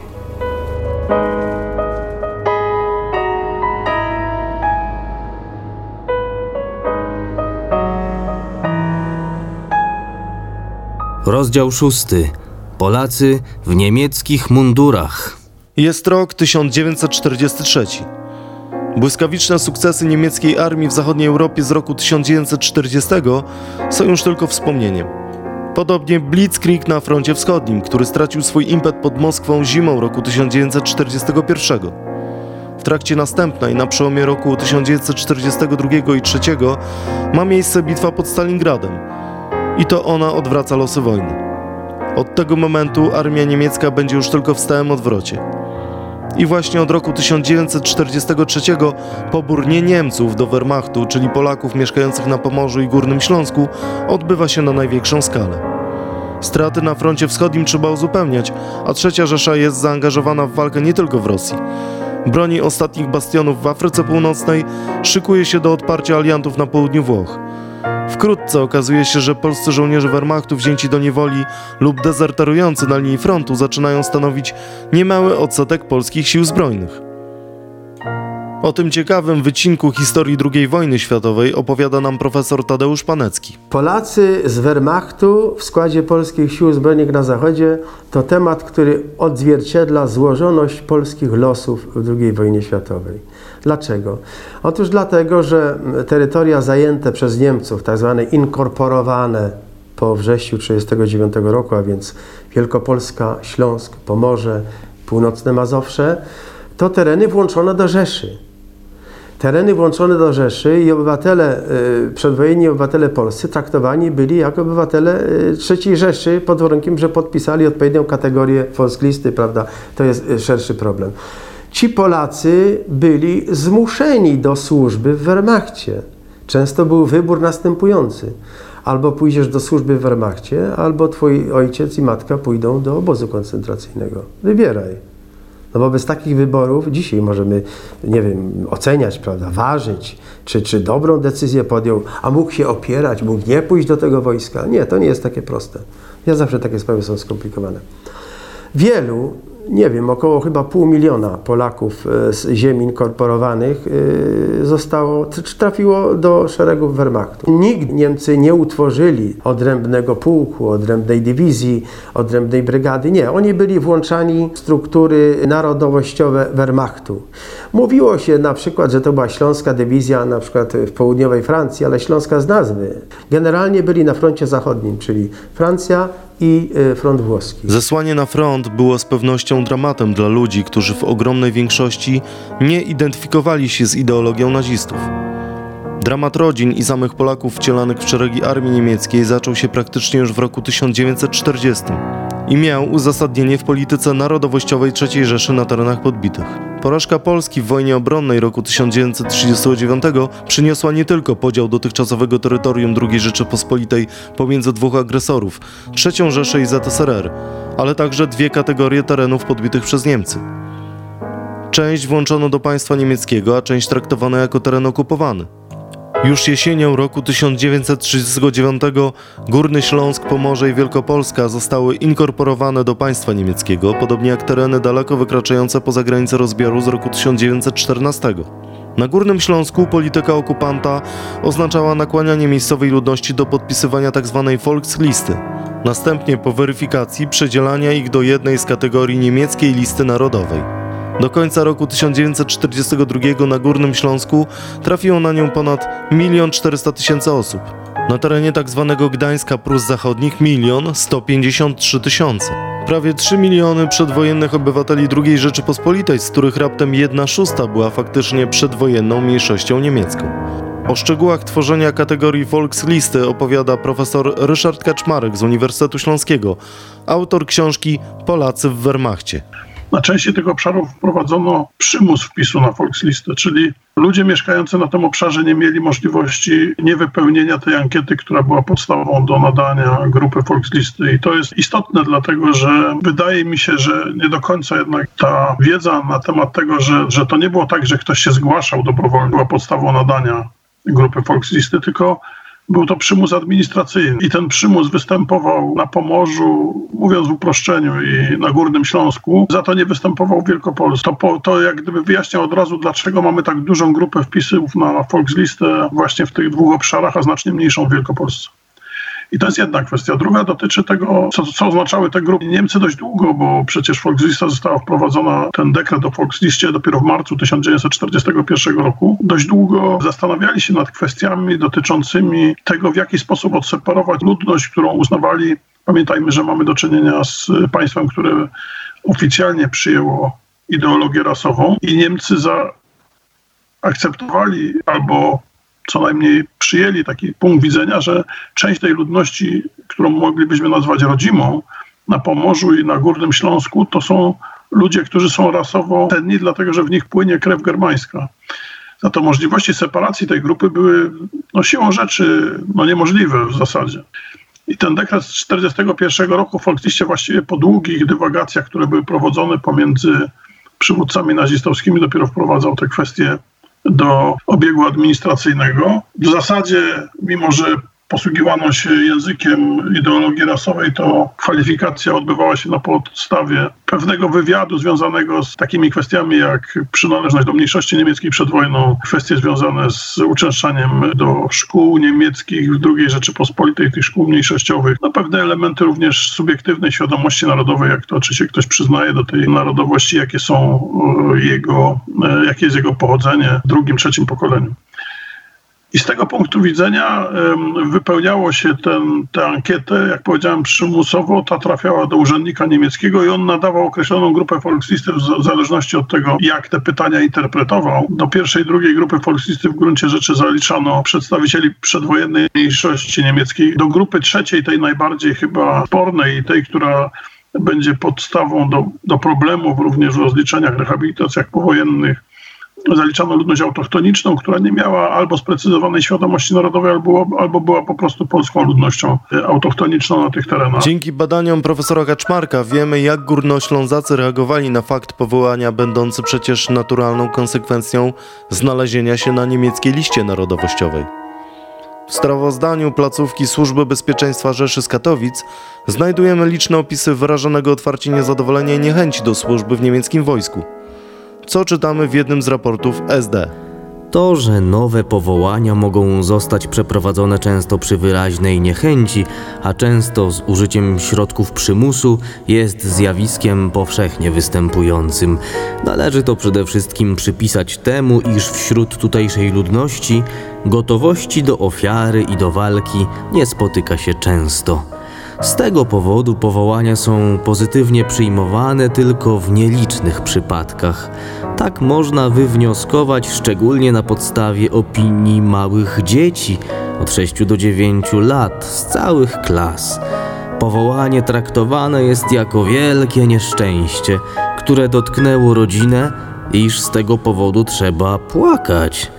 Radości, że zostanie się żołnierzem, jak spotyka się to powszechnie w Starej Rzeszy, do tej pory się nie spotyka. W innych relacjach żołnierze wracający z frontu lub przyjeżdżający na przepustkę nie manifestowali fascynacji narodowym socjalizmem, a wręcz okazywali odrębność i arogancję wobec niemieckich władz cywilnych. Ślązacy ostentacyjnie łamali choćby obowiązujący na terenie III Rzeszy zakaz posługiwania się w miejscach publicznych językiem innym niż niemiecki. Często zdarzało się, że oni jako weterani wojenni, kiedy z odznaczeniami na swoich mundurach mogli w stosunku do tutaj zarządzających poszczególnymi miejscowościami czy powiatami na terenach okupowanych przedstawicieli partii nazistowskiej albo administracji niemieckiej manifestować swoją do nich niechęć. No ona była klasyczna tak dla żołnierzy frontowych, którzy uważali większość tych partyjnych bonów bonzów, tych starostów i urzędników za ludzi dekujących się na, na zapleczu frontu. I faktycznie mamy takie, takie przykłady, kiedy nie pozwalali się aresztować, na przykład za, za jakieś tam próby obrażania e, tych urzędników. Często rzeczywiście demonstracyjnie mówili w języku polskim, co na Górnym Śląsku było zabronione, w przestrzeni publicznej wolno było mówić e, tylko po niemiecku. Tego typu meldunków, denuncjowanie osób, które mówiły po polsku, to było zresztą sprzeczne z tymi zasadami Volkslisty e, dla grupy trzeciej. E, no i oni, oni rzeczywiście pod tym względem, czym bardziej się ta wojna wyraźnie zbliżała do końca, to przełomie 43-44 roku, te swoje zachowania faktycznie tutaj manifestowali, które byłyby nie do przyjęcia dla, dla zwykłych cywilów, tutaj manifestowali. On, zachowały się zarówno opisy tego w e, meldunkach Polskiego Ruchu Oporu, jak i w meldunkach niemieckich, więc pewnie wiarygodność ich jest e, dość spora. Aczkolwiek pamiętajmy, że ciągle mówimy jednak o wydarzeniach jednostkowych, ale zdarzało się i pobicia miejscowego esamana, i y, właśnie tak powiedziałem, y, rozmawianie głośno w języku polskim, kiedy zwracano im uwagę, że, że nie wolno mówić po polsku, tylko po niemiecku, to pokazywali te swoje odznaczenia i bluzy mundurów, żeby wskazać, że oni narażają życie za trzecią Rzeszę, a nie ci miejscowi Niemcy, którzy tutaj należeli albo do mniejszości niemieckiej, albo zostali sprowadzeni jako urzędnicy po 1939 roku. Według profesora Kaczmarka, ale i innych badaczy historii II wojny światowej, Polacy w bardzo ograniczonym zakresie byli delegowani na front wschodni, który przecież zdziesiątkował Wehrmacht i do dziś stanowi największą traumę udziału Niemców w II wojnie światowej. Jakkolwiek absurdalnie to brzmi, naziści bali się podatności Polaków na propagandę komunistyczną, która kierowana była w formie ulotek przez Armię Czerwoną. W czasie, gdy Niemcy wycofywali się z nieudanej kampanii na wschodzie, żołnierze ze Śląska, Pomorza, Kaszub czy Wielkopolski generalnie stacjonowali we Francji czy Belgii, a później umacniali linie obronne we Włoszech. Po lądowaniu aliantów w Normandii, a przede wszystkim po pojawieniu się polskiego drugiego korpusu na terenie Włoch, okazało się, że dużą liczbę niemieckich jeńców stanowią żołnierze mówiący po polsku lub po śląsku. Co ciekawe, najczęściej na linii frontu identyfikowali ich amerykańscy żołnierze o polskich korzeniach. Początkowo alianci nie do końca wiedzieli, co zrobić z jeńcami, którzy tak naprawdę są Polakami. O czym opowiada nam pułkownik Juliusz Tym, profesor Akademii Sztuki Wojennej. Ten problem pojawił się już w 1943 roku.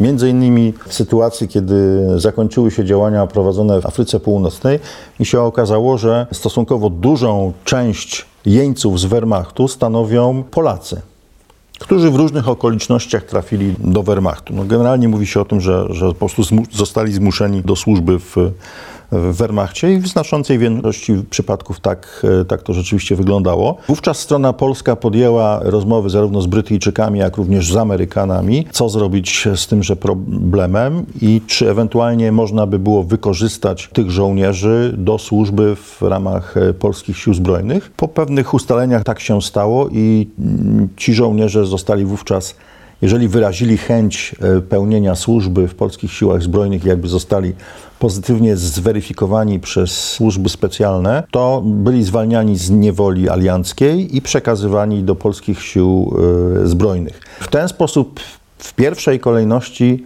uzupełniano przede wszystkim pierwszą dywizję pancerną generała Maczka. Natomiast rzeczywiście w 1944 roku, w drugiej połowie, w czasie kampanii włoskiej mamy do czynienia z nieco inną sytuacją, kiedy okazywało się, że po drugiej stronie znaczna część żołnierzy Wehrmachtu to są Polacy, którzy bardzo często uciekali na stronę Polski. Tego rodzaju sytuację opisywał w swojej relacji z pod Monte Cassino Melchior Wańkowicz. Gdy podczas walk o klasztor polscy żołnierze trafili na ukrytego w zburzonym bunkrze cieszyniaka Jana Gazura, wcielonego do armii niemieckiej, ten podniósł ręce do góry krzycząc nie strzelajcie, jojo Polok. W jeszcze innych wspomnieniach weterana walk na froncie zachodnim żołnierz pojmany przez Kanadyjczyków na pytanie Are you Polish? odpowiada Ni, jo nie pole.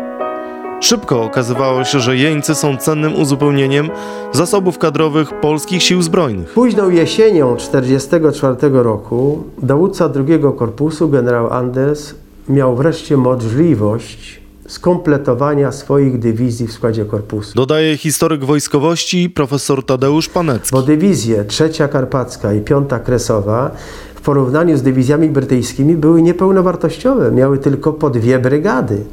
Brytyjskie dywizje liczyły zawsze po trzy brygady piechoty czy pancerne, zależy o jakich mówimy. Braki kadrowe polskie nie pozwalały na stworzenie tych pełnowartościowych dywizji. Dopiero jesienią w oparciu o tych, którzy zostali wzięci do niewoli lub przechodzili na stronę aliancką, bo bywały i masowe takie sytuacje, Anders mógł tworzyć trzecie brygady w swoich dywizjach. Było zalecenie, żeby Anglicy czy Amerykanie, mówimy o froncie włoskim, jeśli trafią po identyfikacji, odnotują, że są to żołnierze niemieccy narodowości polskiej, żeby ich przekazywali władzom polskim. I tu w zależności decydowano, czy to będzie możliwe, aby ten człowiek zmienił mundur Wehrmachtu na mundur żołnierza polskich sił zbrojnych na zachodzie.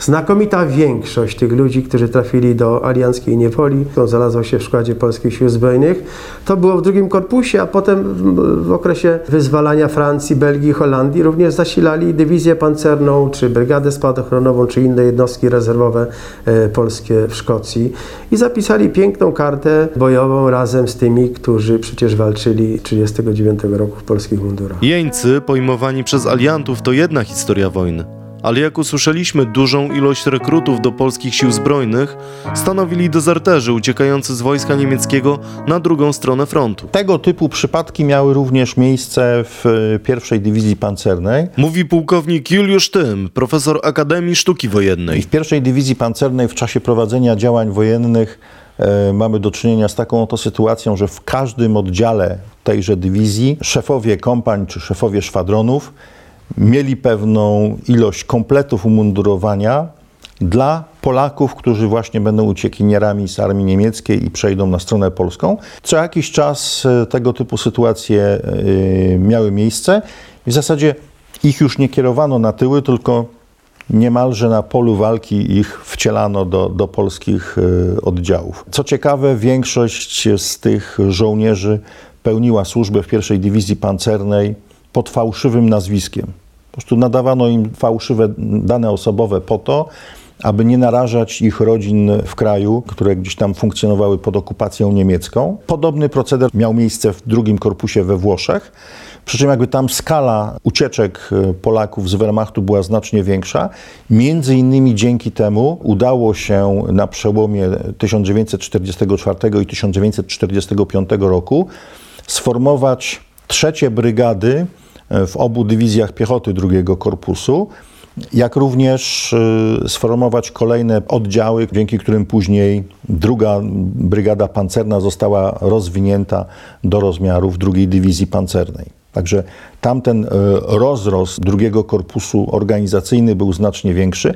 Nie należy również zapominać o tym, że kolejna brygada pancerna była formowana w Egipcie, począwszy od stycznia 1945 roku, również w znacznej mierze o tych żołnierzy, którzy uciekli z Wehrmachtu. Ostrożniejszy w przyjmowaniu dezerterów czy też jeńców z Wehrmachtu był generał Stanisław Maczek jako dowódca pierwszej polskiej dywizji pancernej. Mówi Jan Józef Kasprzyk, szef Urzędu do Spraw Kombatantów i Osób Represjonowanych. Tam bardzo wielu Polaków służących w Wehrmachcie znalazło się w niewoli bądź też zdezerterowało i, i próbowało przejść na stronę aliancką w czasie e, bitwy pod Fales.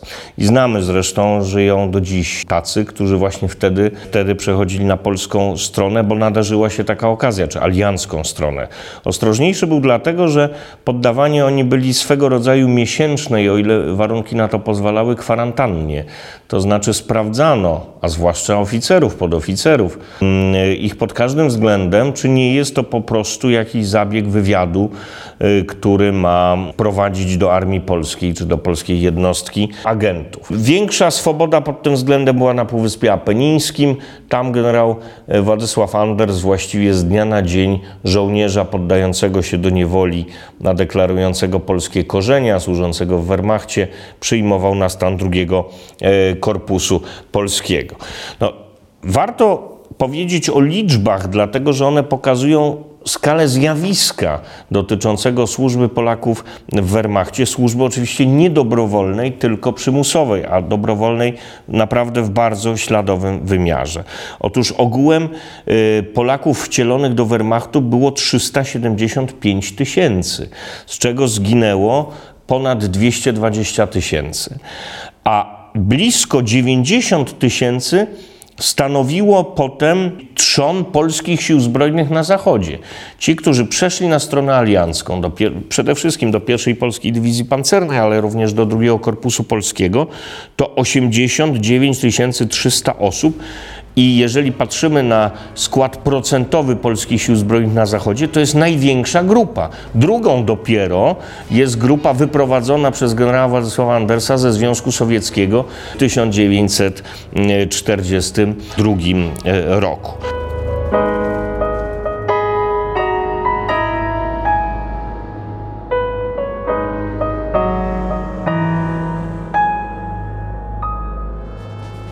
To był ostatni rozdział pierwszej części audiobooka historycznego Polacy na frontach II wojny światowej.